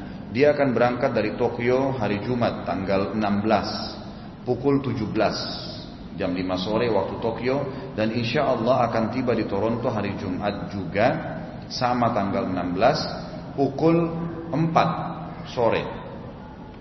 Jadi tanggal keberangkatan sama dengan tanggal kedatangan. Waktu perjalanan Tokyo Toronto adalah 11 jam, jaraknya 10.350 km. Jika, pertanyaannya, jika selepas take off dari Tokyo, kapankah dia harus melaksanakan sholat maghrib dan isya? Tentu awal dia take off, dia ikuti waktu setempat. Karena tolok ukur sholat maghrib atau isya adalah waktu dia melihat terbenam matahari itu. Jadi karena matahari sudah mulai gelap, misalnya di Tokyo tadi dia berangkat jam 5 sore, ternyata jam 6 sore sudah masuk maghrib. Gelap kan kelihatan di jendela bisa dilihat dari pesawat. Kalau sudah masuk waktunya maghrib ya dia sholat maghrib, gitu kan? Berjalan waktu, ternyata mundur 11 jam tadi. Tiba di Toronto ini di Kanada mundur 11 jam. Dia melewatin waktu. Kalau dia lewat subuh, misal gelap nih, gelap sampai nanti akan kelihatan ada terbit matahari. Dan itu. Seperti itulah misal pada waktu dia sholat subuh. Kalau tidak, misal dia berangkat jam 6 waktu Tokyo, kemudian masuk gelap matahari. Terus tiba-tiba karena dia mundur jamnya 11 jam, seperti dia kembali lagi ke asar atau pagi, gitu kan? Karena dia tiba jam 4 sore, berarti belum masuk waktu subuh ya sudah subuhnya nanti dia ikut waktu Kanada, bukan dia sholat di jalan, karena dianggap dia belum sampai subuh, gitu kan? Karena dia tidak sampai di subuh, waktunya malah mundur ke belakang. Allah alam itu yang saya tahu. Jadi katakan setiba, setiba di, dia di Toronto, bagaimana dia harus melaksanakan sholat subuh, zuhur dan asar. Tentu mengikuti waktu setempat pada saat tiba. Karena dia tiba waktu e, sore, misalnya jam 4, maka dia nanti sholatnya adalah zuhur sama asar. Masalah subuh nanti dia sholat pada saat waktu subuh datang. Karena subuh memang belum sampai pada saat itu. Apakah diperbolehkan sol, soli atau sholat dengan hanya duduk saja, meski ada selasar atau area dapur yang bisa dipakai untuk solis berdiri? Jika diperbolehkan, apakah arah perjalanan pesawat yang tidak memungkinkan bagi dia untuk menghadap kiblat dapat dianggap sebagai bentuk keringanan? Tentu saja. Dia sholat semampunya. Dia sholat semampunya, dia sholat di atas kendaraannya, duduk dan menghadap tempat yang dia mampu. Ya, Nabi Shallallahu Alaihi Wasallam pernah sholat di atas tunggangannya, untahnya gitu kan? Sementara beliau mengarah ke Madinah dan kiblat ada di belakang, mengarah ke Mekah. Jadi saya sarankan tidak usah paksakan berdiri kalau di pesawat. Terlebih terlebih lagi kalau pada saat ada pesawat lagi goncang. Itu sudah disepakati kok oleh para ulama. Boleh sholat duduk pada saat di kendaraan yang memang tidak memastikan berdiri. Kecuali kalau bisa, gitu kan. Kalau saya temukan di Saudi Airlines memang khusus pesawat Saudi Airlines, pesawat lain saya tidak temukan itu ya. Di bagian belakang memang dilowongkan tempat kurang lebih mungkin lebarnya 2 meter kali 2 kali 2 meter, memang dijadikan sebagai musola, gitu tempat untuk sholat. Nah kalau ada alhamdulillah, tapi kalau tidak jangan dipaksakan. Bila biasa puasa Daud, kalau ketemu puasa Tasu'a dan puasa Ashura, bagaimana bila ingin melaksanakan puasa da, uh, uh, ingin melaksanakan puasa Daud tapi ingin juga melaksanakan puasa Tasu'a dan Ashura? Nggak bisa ketemu ini kecuali bertepatan waktunya. Jadi puasa Daud menggugurkan puasa-puasa yang lain. Emang sudah gugur. Karena syaratnya Nabi SAW mengatakan puasa yang paling abdul puasa Daud dia berpuasa sehari dan berbuka puasa sehari. Itu syaratnya. Jadi kena atau tidak kena. Kalau bertepatan misal Senin seseorang puasa Daud, pas Senin dia boleh gabung niatnya sunnah dengan sunnah. Puasa Senin sama puasa Daud. Selasa dia tidak puasa, Rabu dia puasa, hari Kamis dia nggak puasa lagi. Walaupun dia ingin mengejar fadilah hari Kamis sudah nggak bisa lagi karena memang syaratnya harus puasa sehari berbuka puasa sehari. Atau sekalian dia tidak usah puasa Daud, dia cari puasa-puasa yang lainnya. Karena memang puasa Daud syaratnya begitu, sehari puasa dan sehari tidak berbuka puasa. Bolehkah menghitung zikir uh, dengan tasbih biji-bijian jadi sebelumnya saya ingatkan dulu Bapak Ibu sekalian tentu eh, hari Kamis dan Jumat nanti jangan kehilangan ya kesempatan puasa Tasu'a dan Ashura. Puasa tanggal 9 dan tanggal 10 gitu kan. Jadi bagaimana caranya supaya kita bisa mengerjakan dan hari Kamis boleh diniatkan puasa Kamis dan puasa Tasu'a sementara hari Jumatnya dengan puasa Ashura ya puasa pada hari 10 Muharram dan ini hadisnya jelas. Nabi SAW menyuruh untuk berpuasa pada hari Tasu'a ya.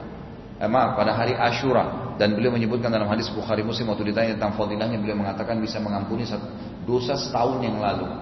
Ya, jadi dengan dua hari puasa kalau tanggal sembilannya hadis Trimidi dengan sanad Hasan kata Nabi SAW kalau saya masih hidup tahun depan saya ikutkan sepuluh dengan sembilan supaya tidak sama dengan orang Yahudi karena Yahudi pun berpuasa di hari Ashura. Dua hari puasa bisa mengampuni dosa 365 hari ke belakang. Maka jangan sia-siakan ini nanti masuknya hari Kamis lusa dengan hari Jumatnya. Kalau tadi pertanyaan apa bagaimana bertasbih dengan menggunakan biji-bijian? Ada hadis yang diriwayatkan oleh Imam Trimidi dipersesikan oleh ulama tentang kesahihannya. Umumnya ulama melemahkannya.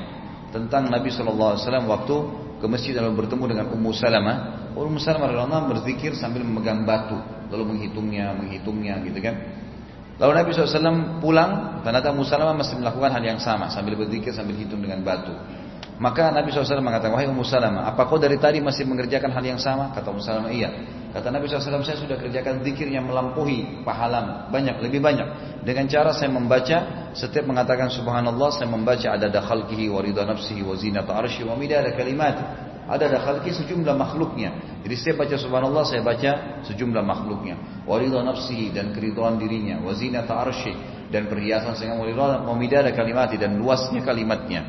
Tapi hadis ini didoaifkan oleh para ulama, ya, dilemahkan oleh para ulama sehingga umumnya ulama tidak menggunakannya, tidak memakainya. Ada juga sebagian kecil ulama yang mengatakan bahwasanya hadis ini lemah tapi tidak bentrok dengan hadis-hadis yang sahih, maka ada yang memakainya, gitu kan? Ada yang memakainya. Tentu kita ambil kesimpulan, afdal tidak menggunakan tasbih. Afdalnya, lebih baik dia menggunakan tangannya sebagaimana sabda Nabi SAW yang berbunyi, kata Nabi SAW, eh, tangan yang digunakan untuk bertasbih, ber, berzikir akan menjadi saksi pada hari kiamat.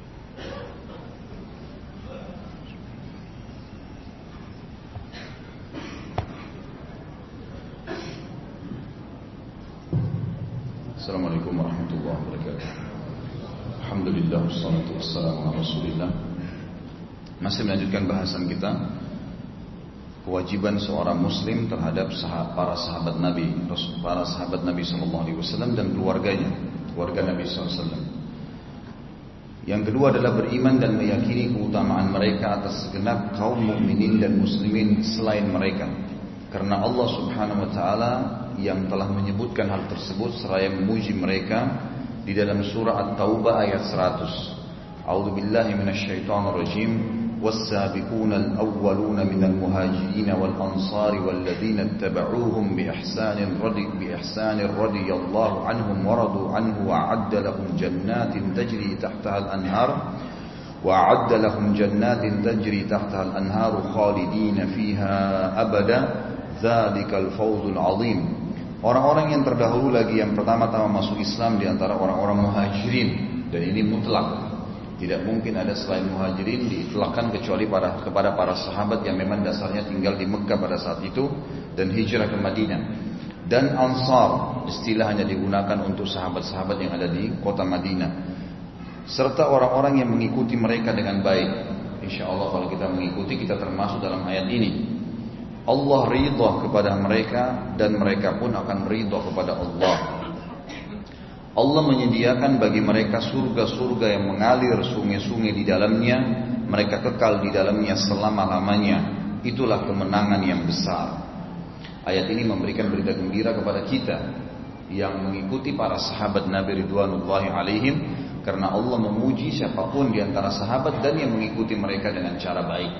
Artinya mencontohi mereka dipastikan mereka akan masuk dalam surga pada saat meninggal insya Allah kemudian Rasulullah SAW juga bersabda dalam sebuah hadis riwayat Abu Dawud dan dinilai Hasan juga riwayatkan oleh Imam Bukhari dengan sanad yang sahih tentunya.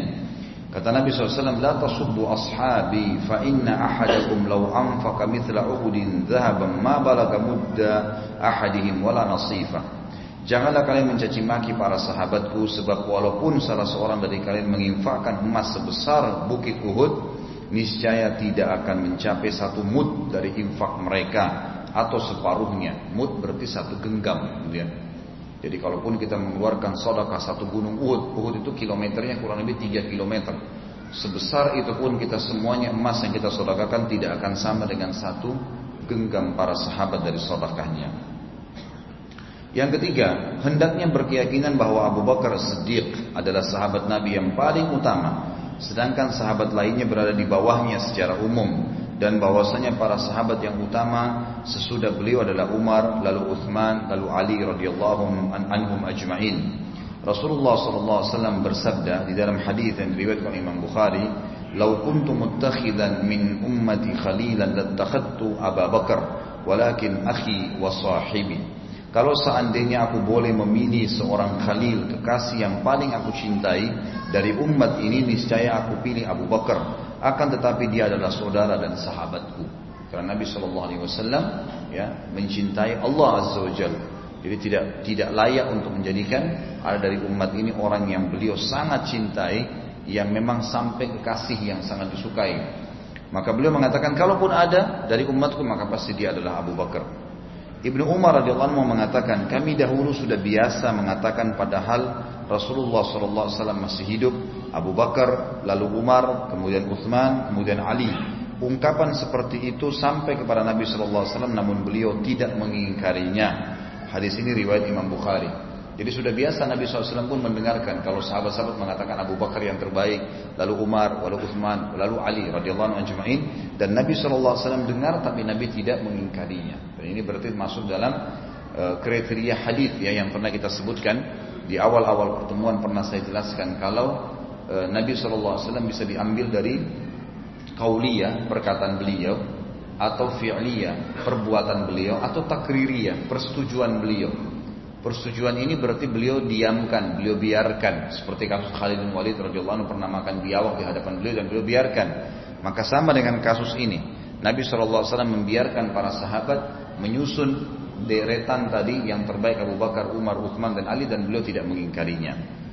Ali radhiyallahu juga berkata, sebaik-baik umat ini sesudah Nabi Muhammad adalah Abu Bakar, lalu Umar, dan sekiranya aku mau menyebutkan yang ketiga niscaya aku sebut Maksudnya adalah Uthman. Semoga Allah ridho mereka semua. Dan ini juga disebutkan oleh Imam Bukhari dan Imam Ahmad. Artinya Ali radhiyallahu anhu yang banyak orang-orang Syiah menganggap ditokohkan lalu mengatakan Ali lebih baik, Abu Bakar Umar merebut khilafahnya. Ini semua dikarang-karang, tidak ada sama sekali. Sementara Ali sendiri radhiyallahu anhu memuji Abu Bakar, ya, memuji Abu Bakar dan Umar, bahkan ya, mengetahui kenapa Nabi SAW menikahi anaknya Abu Bakar memang mencintai Abu Bakar. Dalam riwayat Bukhari yang lain dikatakan pernah Nabi SAW lagi duduk bersama Aisyah lalu istri yang lain datang lalu berkata ya Rasulullah cobalah ya bagi lagi tambahan waktu anda dengan kami. Artinya jangan terus menerus sama Aisyah karena di siang hari Nabi SAW biasa menghabiskan waktu bersama Aisyah lebih banyak walaupun yang lain juga didatangin tapi kalau malam beliau selalu adil. Maka kata Nabi SAW cukuplah dia Aisyah adalah anaknya Abu Bakar dia beda dengan kalian, tidak bisa disamakan. Ayahnya ini sahabat dekatku, gitu kan? Dan ini sebuah ujian langsung dari Nabi Shallallahu Alaihi Wasallam.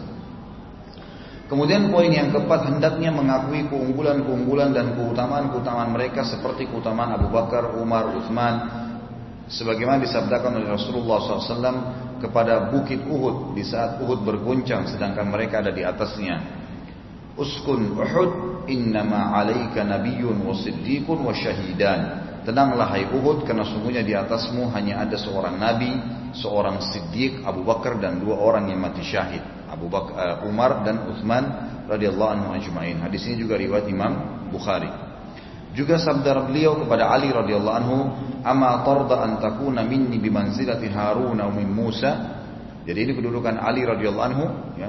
Kata Nabi SAW, tidakkah kamu rela kalau posisimu dariku seperti posisi Nabi Harun dan Nabi Musa? Artinya seperti orang yang bersaudara dan juga ditunjuk sebagai Nabi. Tapi memang itu tanda tanya, artinya kedudukan. Bukan berarti Ali Radhiallahu seorang Nabi. Gitu kan? Karena Nabi SAW sudah mengatakan dalam hadis lain, saya adalah penutup para Nabi. Tidak ada Nabi setelah. Sabda beliau juga tentang Fatimah radhiyallahu anha di dalam hadis Bukhari.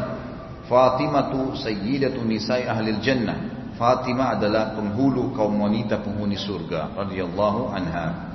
Sabda beliau juga tentang Zubair bin Awam, "Inna likulli nabiyyin hawari wa inna hawari Zubair bin Awam." Sesungguhnya setiap nabi itu mempunyai hawari, pengawal setia dan sesungguhnya pengawal setia adalah Zubair bin Awam radhiyallahu anhu setiap kali Nabi SAW membutuhkan untuk melawan musuh maka Zubair bin Awam selalu ada dan Zubair bin Awam ini Ibunya bernama Sofia. Sofia tante Nabi Shallallahu Alaihi Wasallam. Jadi ini sepupu Nabi, Zubair bin Awam. Sabda Nabi SAW mengenai Hasan dan Husain radhiyallahu anhuma. Beliau bersabda, Allahumma ahibbuhuma fa inni uhibbuhuma. Ya Allah cintailah mereka berdua karena sungguhnya kami mencintai mereka berdua. Karena sungguhnya aku mencintai mereka berdua. Hadis ini juga sahih riwayat Imam Bukhari. Kemudian sabda Nabi SAW kepada Abdullah bin Umar radhiyallahu anhu, Inna Abdullahi rajulun salih. Sesungguhnya Abdullah anaknya Umar ya, adalah laki-laki yang saleh. Juga hadis riwayat Imam Bukhari. Jadi Nabi SAW sebutkan tentang fadilah-fadilah sahabatnya. Sabda Nabi SAW tentang Zaid bin Harithah. Zaid bin Harithah ini anak angkat Nabi SAW radhiyallahu anhu. Beliau mengatakan, Anta akhuna wa maulana. Kamu adalah saudara kami dan maula kami. Maula ini budak yang dibebaskan. Maka digunakan istilah maula. Jadi kalau antum memiliki seorang budak, lalu budak itu dibebaskan, maka ada istilah maula, ya, ada istilah maula. Artinya pernah dibebaskan oleh orang itu. Sabda beliau tentang Salim, seorang mantan budak Hudzaifah, Abdullah bin Mas'ud, Ubay bin Ka'ab dan Muadz bin Jabal radhiyallahu anhu ajma'in. Istaqri'ul Qur'ana min arba'a min Abdullah bin Mas'udin wa Salim maula Abi Hudzaifah wa Ubay bin Ka'ab wa Muadz bin Jabal. Hendaklah kalian semuanya Nabi SAW berkata kepada para sahabat meminta belajar membaca Al-Quran kepada empat orang Abdullah bin Mas'ud, Salim mantan sahayanya Abu Hudzaifah, Ubay bin Ka'ab dan Muadz bin Jabal dan hadis ini riwayat Imam Bukhari. Juga sabda Nabi SAW tentang Aisyah, wa fadlu Aisyah ala nisa ka fadli tharidi ala sairi ta'am. Keutamaan Aisyah atas segenap kaum wanita adalah bagikan keutamaan roti yang dicampur dengan daging atas seluruh makanan atau atas makanan yang tidak dicampur dengan daging. Hadis ini diriwayatkan juga oleh Imam Bukhari. Sabda beliau tentang keutamaan kaum Ansar, orang-orang asli Madinah.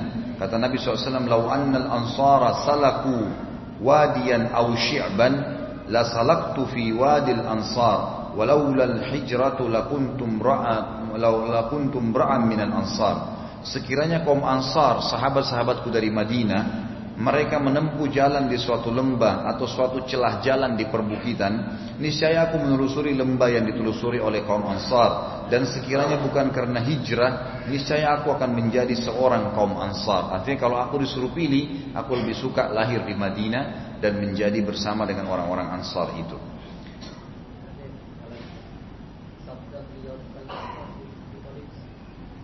Tentang Oh iya. Jazakallah khair. Juga ada sabda Nabi SAW tentang Ja'far bin Abi Talib.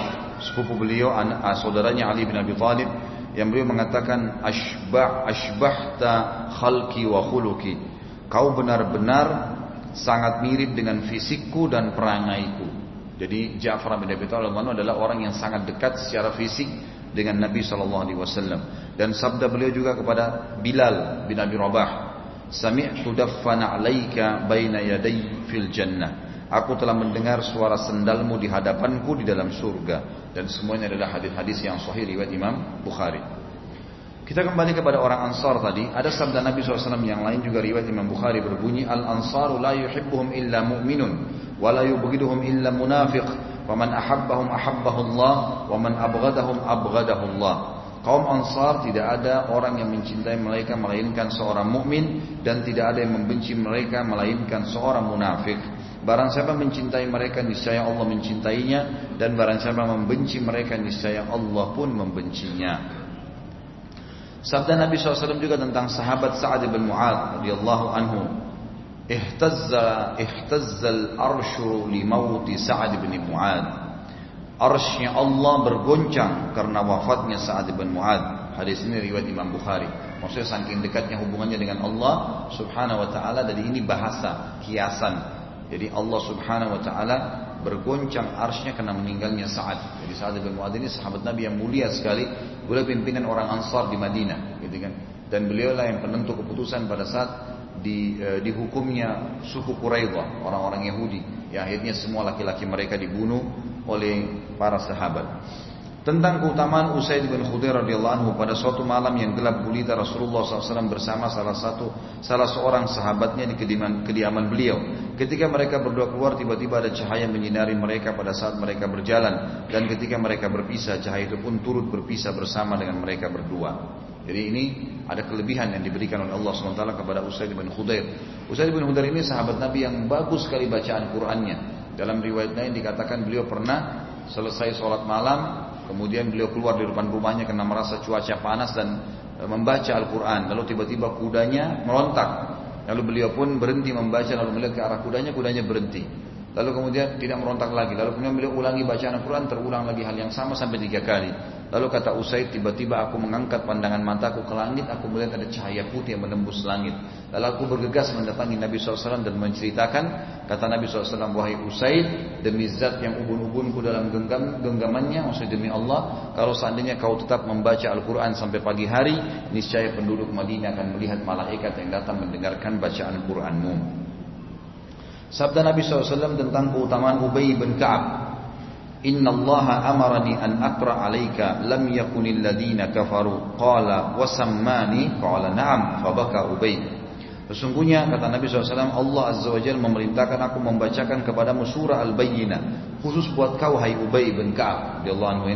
Ubay berkata apakah Allah menyebut namaku mengatakan hai Muhammad bacakan buat Ubay. Kata Nabi SAW iya. Maka Ubay pun akhirnya menangis. Kemudian Khalid bin Walid disebutkan dalam hadis yang lain riwayat Bukhari juga saifun min suyufillahi maslul. Pujian Nabi SAW terhadap Khalid bin Walid sahabat Nabi yang terkenal pejuang pemimpin perang dia adalah salah satu pedang di antara pedang-pedang Allah yang terhunus terhadap musuh-musuhnya Kemudian pujian Nabi SAW terhadap keutamaan Hasan bin Ali radhiyallahu anhu. Ibni hada sayyidun wa la'alla Allah yusliha bihi baina fi'ataini minal muslimin. Cucuku ini adalah seorang penghulu atau tokoh yang akan diutamakan dan semoga dengannya Allah mendamaikan dua kelompok kaum muslimin yang bertikai. Dan hadis ini riwayat Imam Bukhari. Tentu pada saat Ali radhiyallahu anhu mati, maka masyarakat Madinah membaiat Al Hasan radhiyallahu anhu menjadi khalifah. Lalu Muawiyah pun datang dari negeri Syam dan dibaiat juga oleh umumnya masyarakat negeri Syam. Maka yang terjadi pada saat itu adalah bertemulah dua kekuatan besar antara Hasan radhiyallahu anhu dengan Muawiyah radhiyallahu anhu. Dua-duanya ini punya hubungan kerabat dari Quraisy, gitu kan? Satu cucu Nabi SAW, satu anaknya Abu Sufyan. Abu Sufyan ini masih punya hubungan kerabat ya dengan Nabi SAW juga di Mekah. Maka pada saat itu Hasan radhiyallahu anhu melihat pasukan muslimin yang begitu banyak dan akhirnya dia mengalah dan menyerahkan khilafah kepada ah, ah, Muawiyah bin Abi Sufyan. Maka akhir pada saat itu dikenal dengan Amul Jama, hari tahun penyatuan. Dan ini kata ulama hadis disepakati dari hadis Bukhari ini bahwasanya inilah yang dimaksud oleh sabda Nabi Shallallahu Alaihi Wasallam Hasan ini adalah tuan sebuah seorang tokoh yang akan ditokohkan sempat diangkat jadi khalifah beberapa hari gitu kan lalu kemudian dia Allah akan memperbaiki keadaan dua pasukan muslimin yang hampir berperang dan tidak jadi maka ulama mengatakan kejadiannya adalah pada saat Hasan memberikan khilafah kepada Muawiyah radhiyallahu anhu Sabda Nabi SAW juga kepada Abu Ubaidah radhiyallahu anhu bin Jarrah di kulli ummati di kulli ummatin amin wa inna aminana ayyatuhal ummatu Abu Ubaidah bin Jarrah. Setiap umat mempunyai seorang yang paling dipercaya dan sungguhnya orang kepercayaan kita wahai umat Islam adalah Abu Ubaidah bin Jarrah harus kita banggakan dia gitu. Baca tentang sejarahnya. Bagaimana orang ini sangat jujur dan amanah. Tentu beliau mengatakan semoga Allah meridhai mereka semua, sahabat-sahabat Nabi Ridwan Alim yang kita tidak beda-bedakan kecuali memang yang Nabi SAW berikan kedudukan lebih baik daripada yang lainnya. Yang kelima, kita dianjurkan wajib bagi kita menahan diri dari menyebut kesalahan-kesalahan mereka dan tidak membicarakan tentang perselisihan yang terjadi di antara mereka. Karena Nabi SAW sudah mengatakan, La tasubbu ashabi, janganlah kalian menghujat untuk mencela para sahabatku. Juga sabda Nabi SAW, La tattakhiduhum gharadan ba'di. Jangan kalian menjadikan para sahabatku sebagai sasaran celaan sepeninggalku nanti. Juga sabda Nabi SAW, Faman adahum faqad adhani, Waman adhani faqad adallah, Waman adallah yushiku an yakhudah. Barang siapa yang menyakiti mereka para sahabatku Berarti dia telah menyakitiku Dan barang siapa yang menyakitiku Maka dia telah menyakiti Allah Dan barang siapa yang menyakiti Allah Niscaya dia akan segera menghukumnya Allah akan menghukumnya gitu kan? Jadi para sahabat harus dihormati ya, Dan kalau orang yang mencaci maki mereka Berarti mencaci maki Nabi SAW Makanya pemahaman syiah yang dibentuk oleh Abdullah bin Sabah Dasarnya orang Yahudi pura-pura masuk Islam Sasaran dia sebenarnya menghina Nabi Shallallahu Alaihi Wasallam. Tapi kalau dia langsung menghina Nabi Shallallahu Alaihi Wasallam, maka akan terbongkar kedoknya. Maka dia menghina orang-orang sekitar Nabi Shallallahu Alaihi Wasallam. Abu Bakar, Umar, kemudian istrinya Aisyah dan Hafsah, gitu kan? Yang disoroti Abu Bakar sama Umar. Jadi anaknya Abu Bakar dan anaknya Aisyah, Umar dan anaknya Hafsah, gitu kan. Itu yang paling mereka sorotin dan mereka kafirkan tanpa ada alasan yang jelas berhubungan dengan masalah itu dan umumnya riwayat-riwayat yang disebutkan dikarang-karang oleh mereka ya dengan mengarang kisah-kisah yang aneh-aneh gitu tentang Abu Bakar dan Umar ini.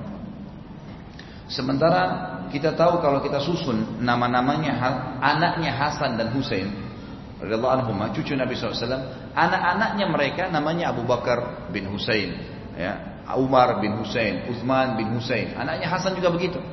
Semua cucu Nabi SAW punya anak Abu Bakar Umar Uthman dikasih nama. Bagaimana mereka bisa membolak-balikan fakta itu? Dan Umar pun menikah di akhir hidup beliau dengan anaknya Ali bin Abi Thalib yang bernama Ummu Kalthum dan akhirnya meninggal di paha Ummu Kalthum radhiyallahu anhum ajma'in. Waktu ditanya Umar, "Kenapa Anda nikahi Ummu Kalthum?" Dia mengatakan agar saya punya sambungan nasab dengan Nabi sallallahu alaihi wasallam. Itu terjadi. Jadi Ali bin Abi Thalib anak mantunya Nabi SAW, sementara Umar mertuanya Nabi dan Umar bin Khattab adalah anak mantunya Ali bin Abi Thalib. Jadi saking dekatnya hubungan mereka. Jadi ini sebenarnya sudah jelas permainan orang-orang Yahudi yang ingin merusak umat Islam. Maka sadarlah wahai saudaraku, jangan terpengaruh dengan isu-isu yang mereka lemparkan akhirnya sampai berlebih-lebihan dalam mencaci maki para sahabat ini.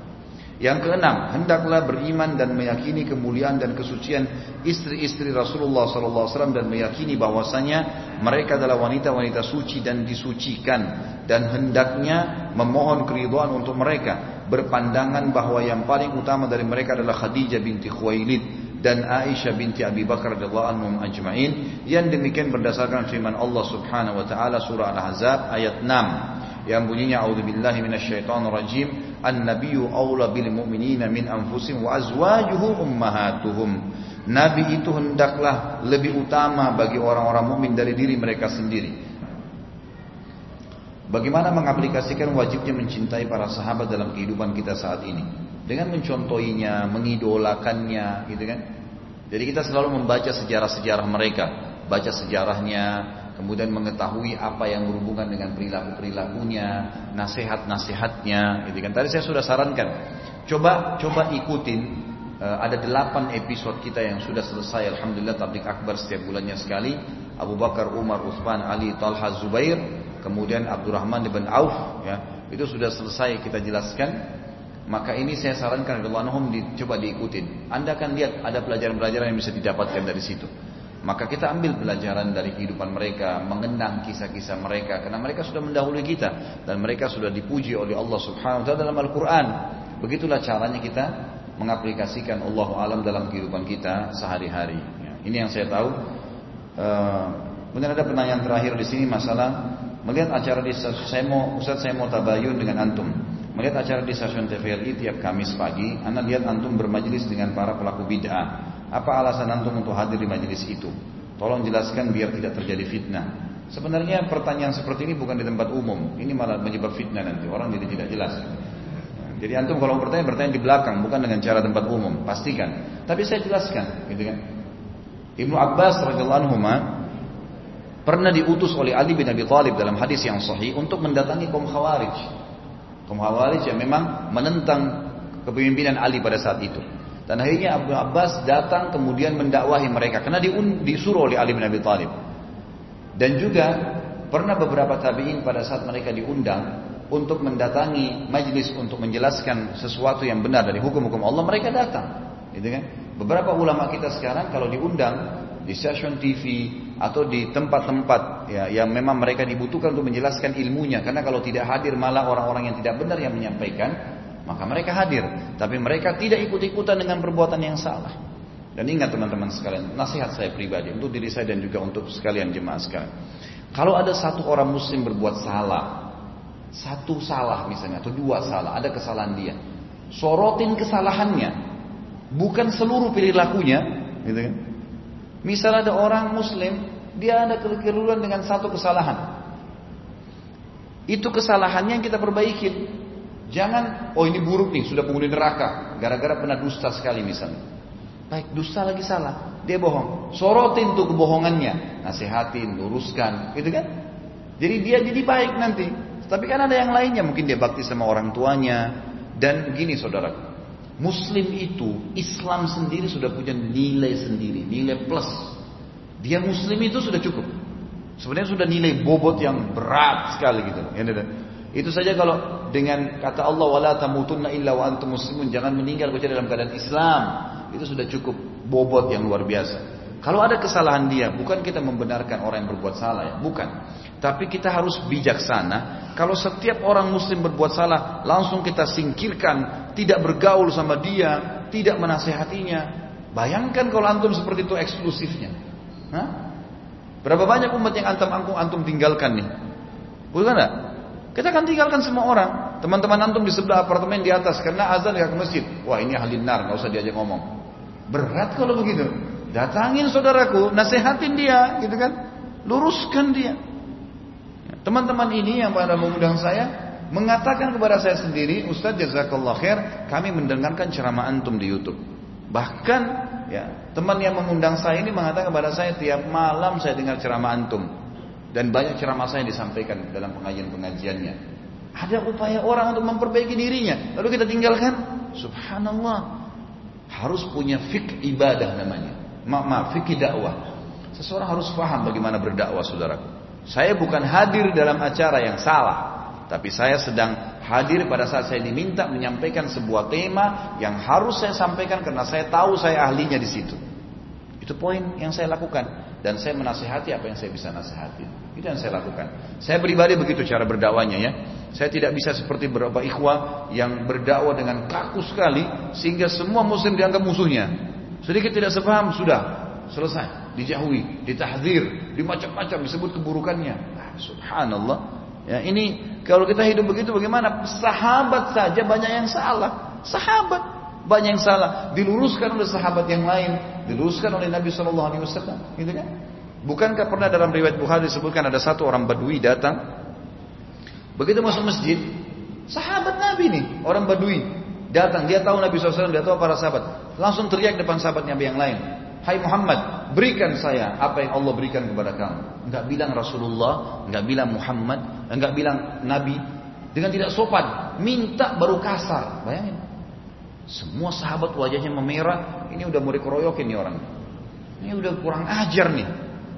Nabi SAW dengan tenang mengatakan diberikan ini. Ambillah. Dikasih apa yang dia minta. Lalu kata Nabi, cukupkah? Sudah cukup apa yang saya kasih? Apa orang itu bilang? Belum cukup hai Muhammad. Lihat kurang ajarnya. Udah dikasih masih gitu gitu kan? Nabi kasih lagi. Sudah cukup gak? Belum cukup. Masih mau lebih. Kata Nabi SAW, baiklah. Saya mengundangmu ke rumah. Datang ke rumah. Ternyata orang ini memang, ternyata dia bawaannya, karakternya kasar. Dari padang pasir, biasa teriak-teriak. Tidak santun, tidak punya tata krama memang. Memang bawaannya, dia nggak nganggap dirinya buat salah tuh. Sampai rumah Nabi SAW, Nabi kasih, ini yang saya punya. Cukupkah? Cukup hai Muhammad, terima kasih. Memang kas, terima kasih pun dengan kasar, gitu kan? Memang begitu bawaannya. Kata Nabi SAW, wahai saudaraku, tadi waktu kau masuk ke dalam masjid, kau telah membuat sahabat-sahabatku marah dengan kata-katamu. Mereka tidak terbiasa dengan kata-kata seperti yang kau ucapkan. Dan agama tidak menyuruh kita berkata kasar seperti itu. Maka sekarang bagaimana menurutmu yang sudah saya berikan? Cukup. Baik. Ucapkanlah, saya akan ajak kamu keluar di hadapan mereka. Ucapkanlah apa yang kau ucapkan tanpa kau tambah-tambah. Memang kau sudah berterima kasih kepada saya. Dan yang paling baik kau ucapkan jazakallah khair. Baiklah Muhammad. Dia bilang. Orang Badui tidak biasa memanggil Rasulullah, panggil nama, gitu kan? Panggil masjid langsung kata Nabi SAW, wahai saudara-saudaraku, saudara kalian ini tadi telah mengucapkan kata-kata yang mungkin menyakitkan hati kalian. Tapi kami telah memberikan kepadanya apa yang kami miliki. Maksudnya Nabi SAW menggunakan kata santun. Kami telah memberikan. Dan dia sudah merasa puas. Bukankah begitu hai saudaraku? Lalu kemudian dia mengatakan, iya benar. Dan aku mengatakan jazakallah khair hai Muhammad. Maka semua sahabat jadi redah pada saat itu. Gitu kan?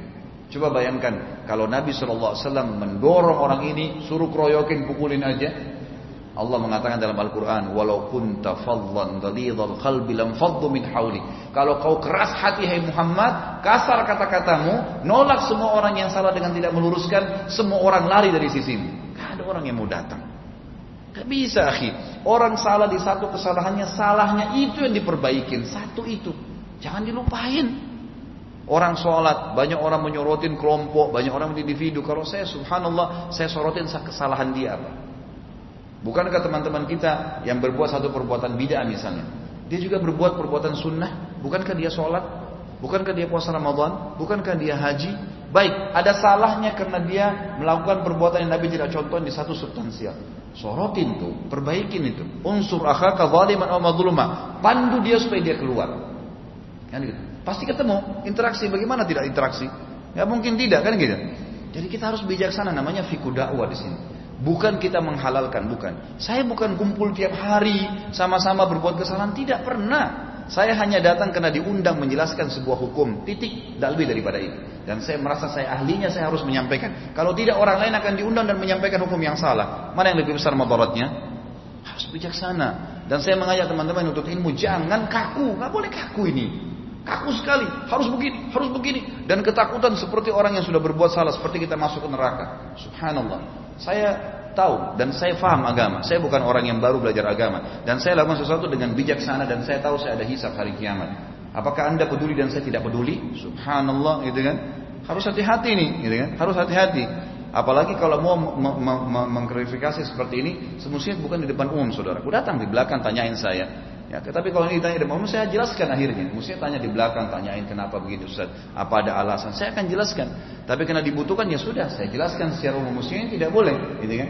Adab dalam menuntut ilmu itu adalah tidak boleh memojokkan seseorang yang memang membutuh dia butuh jawaban, tapi bukan berarti ditanya di depan umum. Karena ini bukan masalah umum.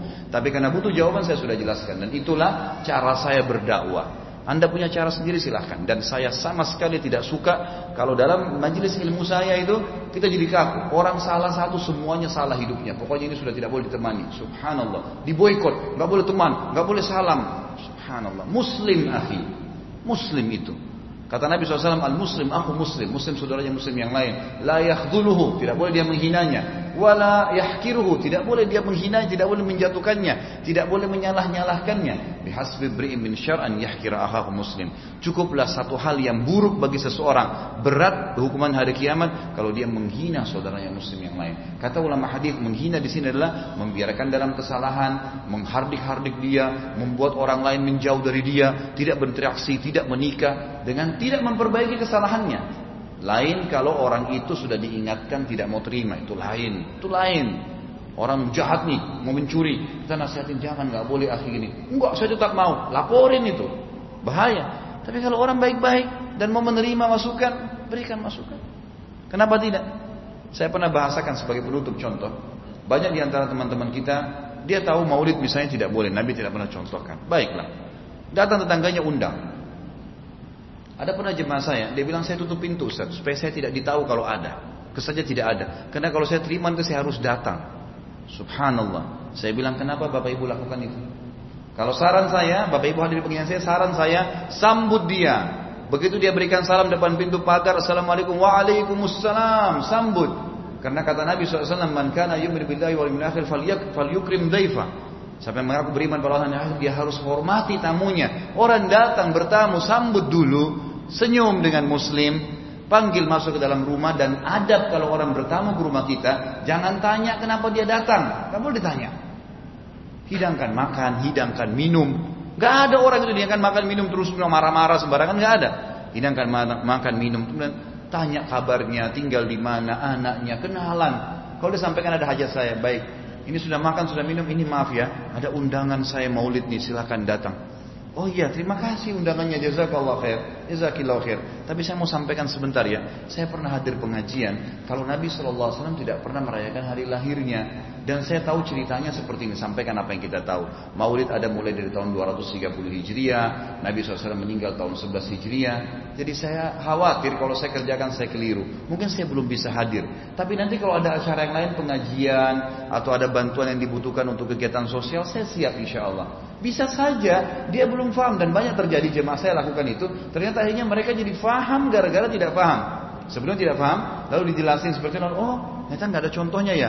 Lalu dijelaskan lebih jauh, akhirnya lebih paham. Nggak jadi itu buat acaranya. Banyak terjadi seperti itu. Hikmah harus paham bagaimana berdakwah teman-teman.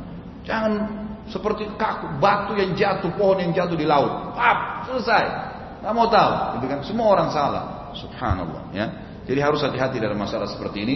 Saya sarankan agar kita merangkul saudara-saudara kita muslim. Ingat, rangkulan akan mendatangkan rangkulan. Tepukan akan mendatangkan tepukan. Sama. Bashiru wala tunaffiru. Sampaikan berita gembira, rangkul mereka dan jangan buat orang lari.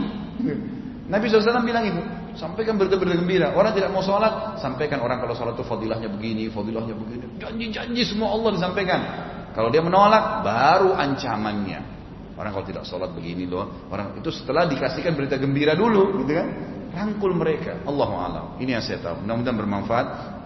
Dan mungkin sampai sini bahasan kita. Semoga apa yang kita bahas malam-malam ini bermanfaat buat kita semua dan ditimbang oleh Allah Subhanahu wa ditambah dengan amal soleh kita di timbangan hari kiamat. Semoga orang yang sakit semua disembuhkan penyakitnya, yang dililitkan dilunasi utangnya dan juga semua orang yang belum dapat hidayah dimudahkan dapat hidayah, yang sudah dapat hidayah dimudahkan untuk ya, e, mengamalkan ilmunya dan semua muslimin yang sedang tertindas di Palestina, di Syria, di Yaman, di Irak, di Myanmar, di mana pun mereka berada Allah pokokkan telapak kaki mereka, Allah ikhlaskan niat mereka, Allah terima para syuhada mereka serta Allah muliakan Islam dan menangkan di tangan mereka dan tangan kita semua. Dan semoga Allah partisipasikan bersama mereka di pahala baik dengan doa dengan harta juga dengan jiwa kita. Dan semoga Allah dengan kemahamurahannya yang saya yakin sedang melihat kita sekarang malaikatnya menyaksikan majelis ilmu di rumahnya yang mulia agar menyatukan kita di surga firdausnya tanpa hisab. Simpannya satukan kita di masjid yang mulia ini. Kalau benar dari Allah pada saat saya mohon dimaafkan subhanakallahumma bihamdika asyhadu an la ilaha illa anta astaghfiruka wa atubu ilaik wassalamualaikum warahmatullahi wabarakatuh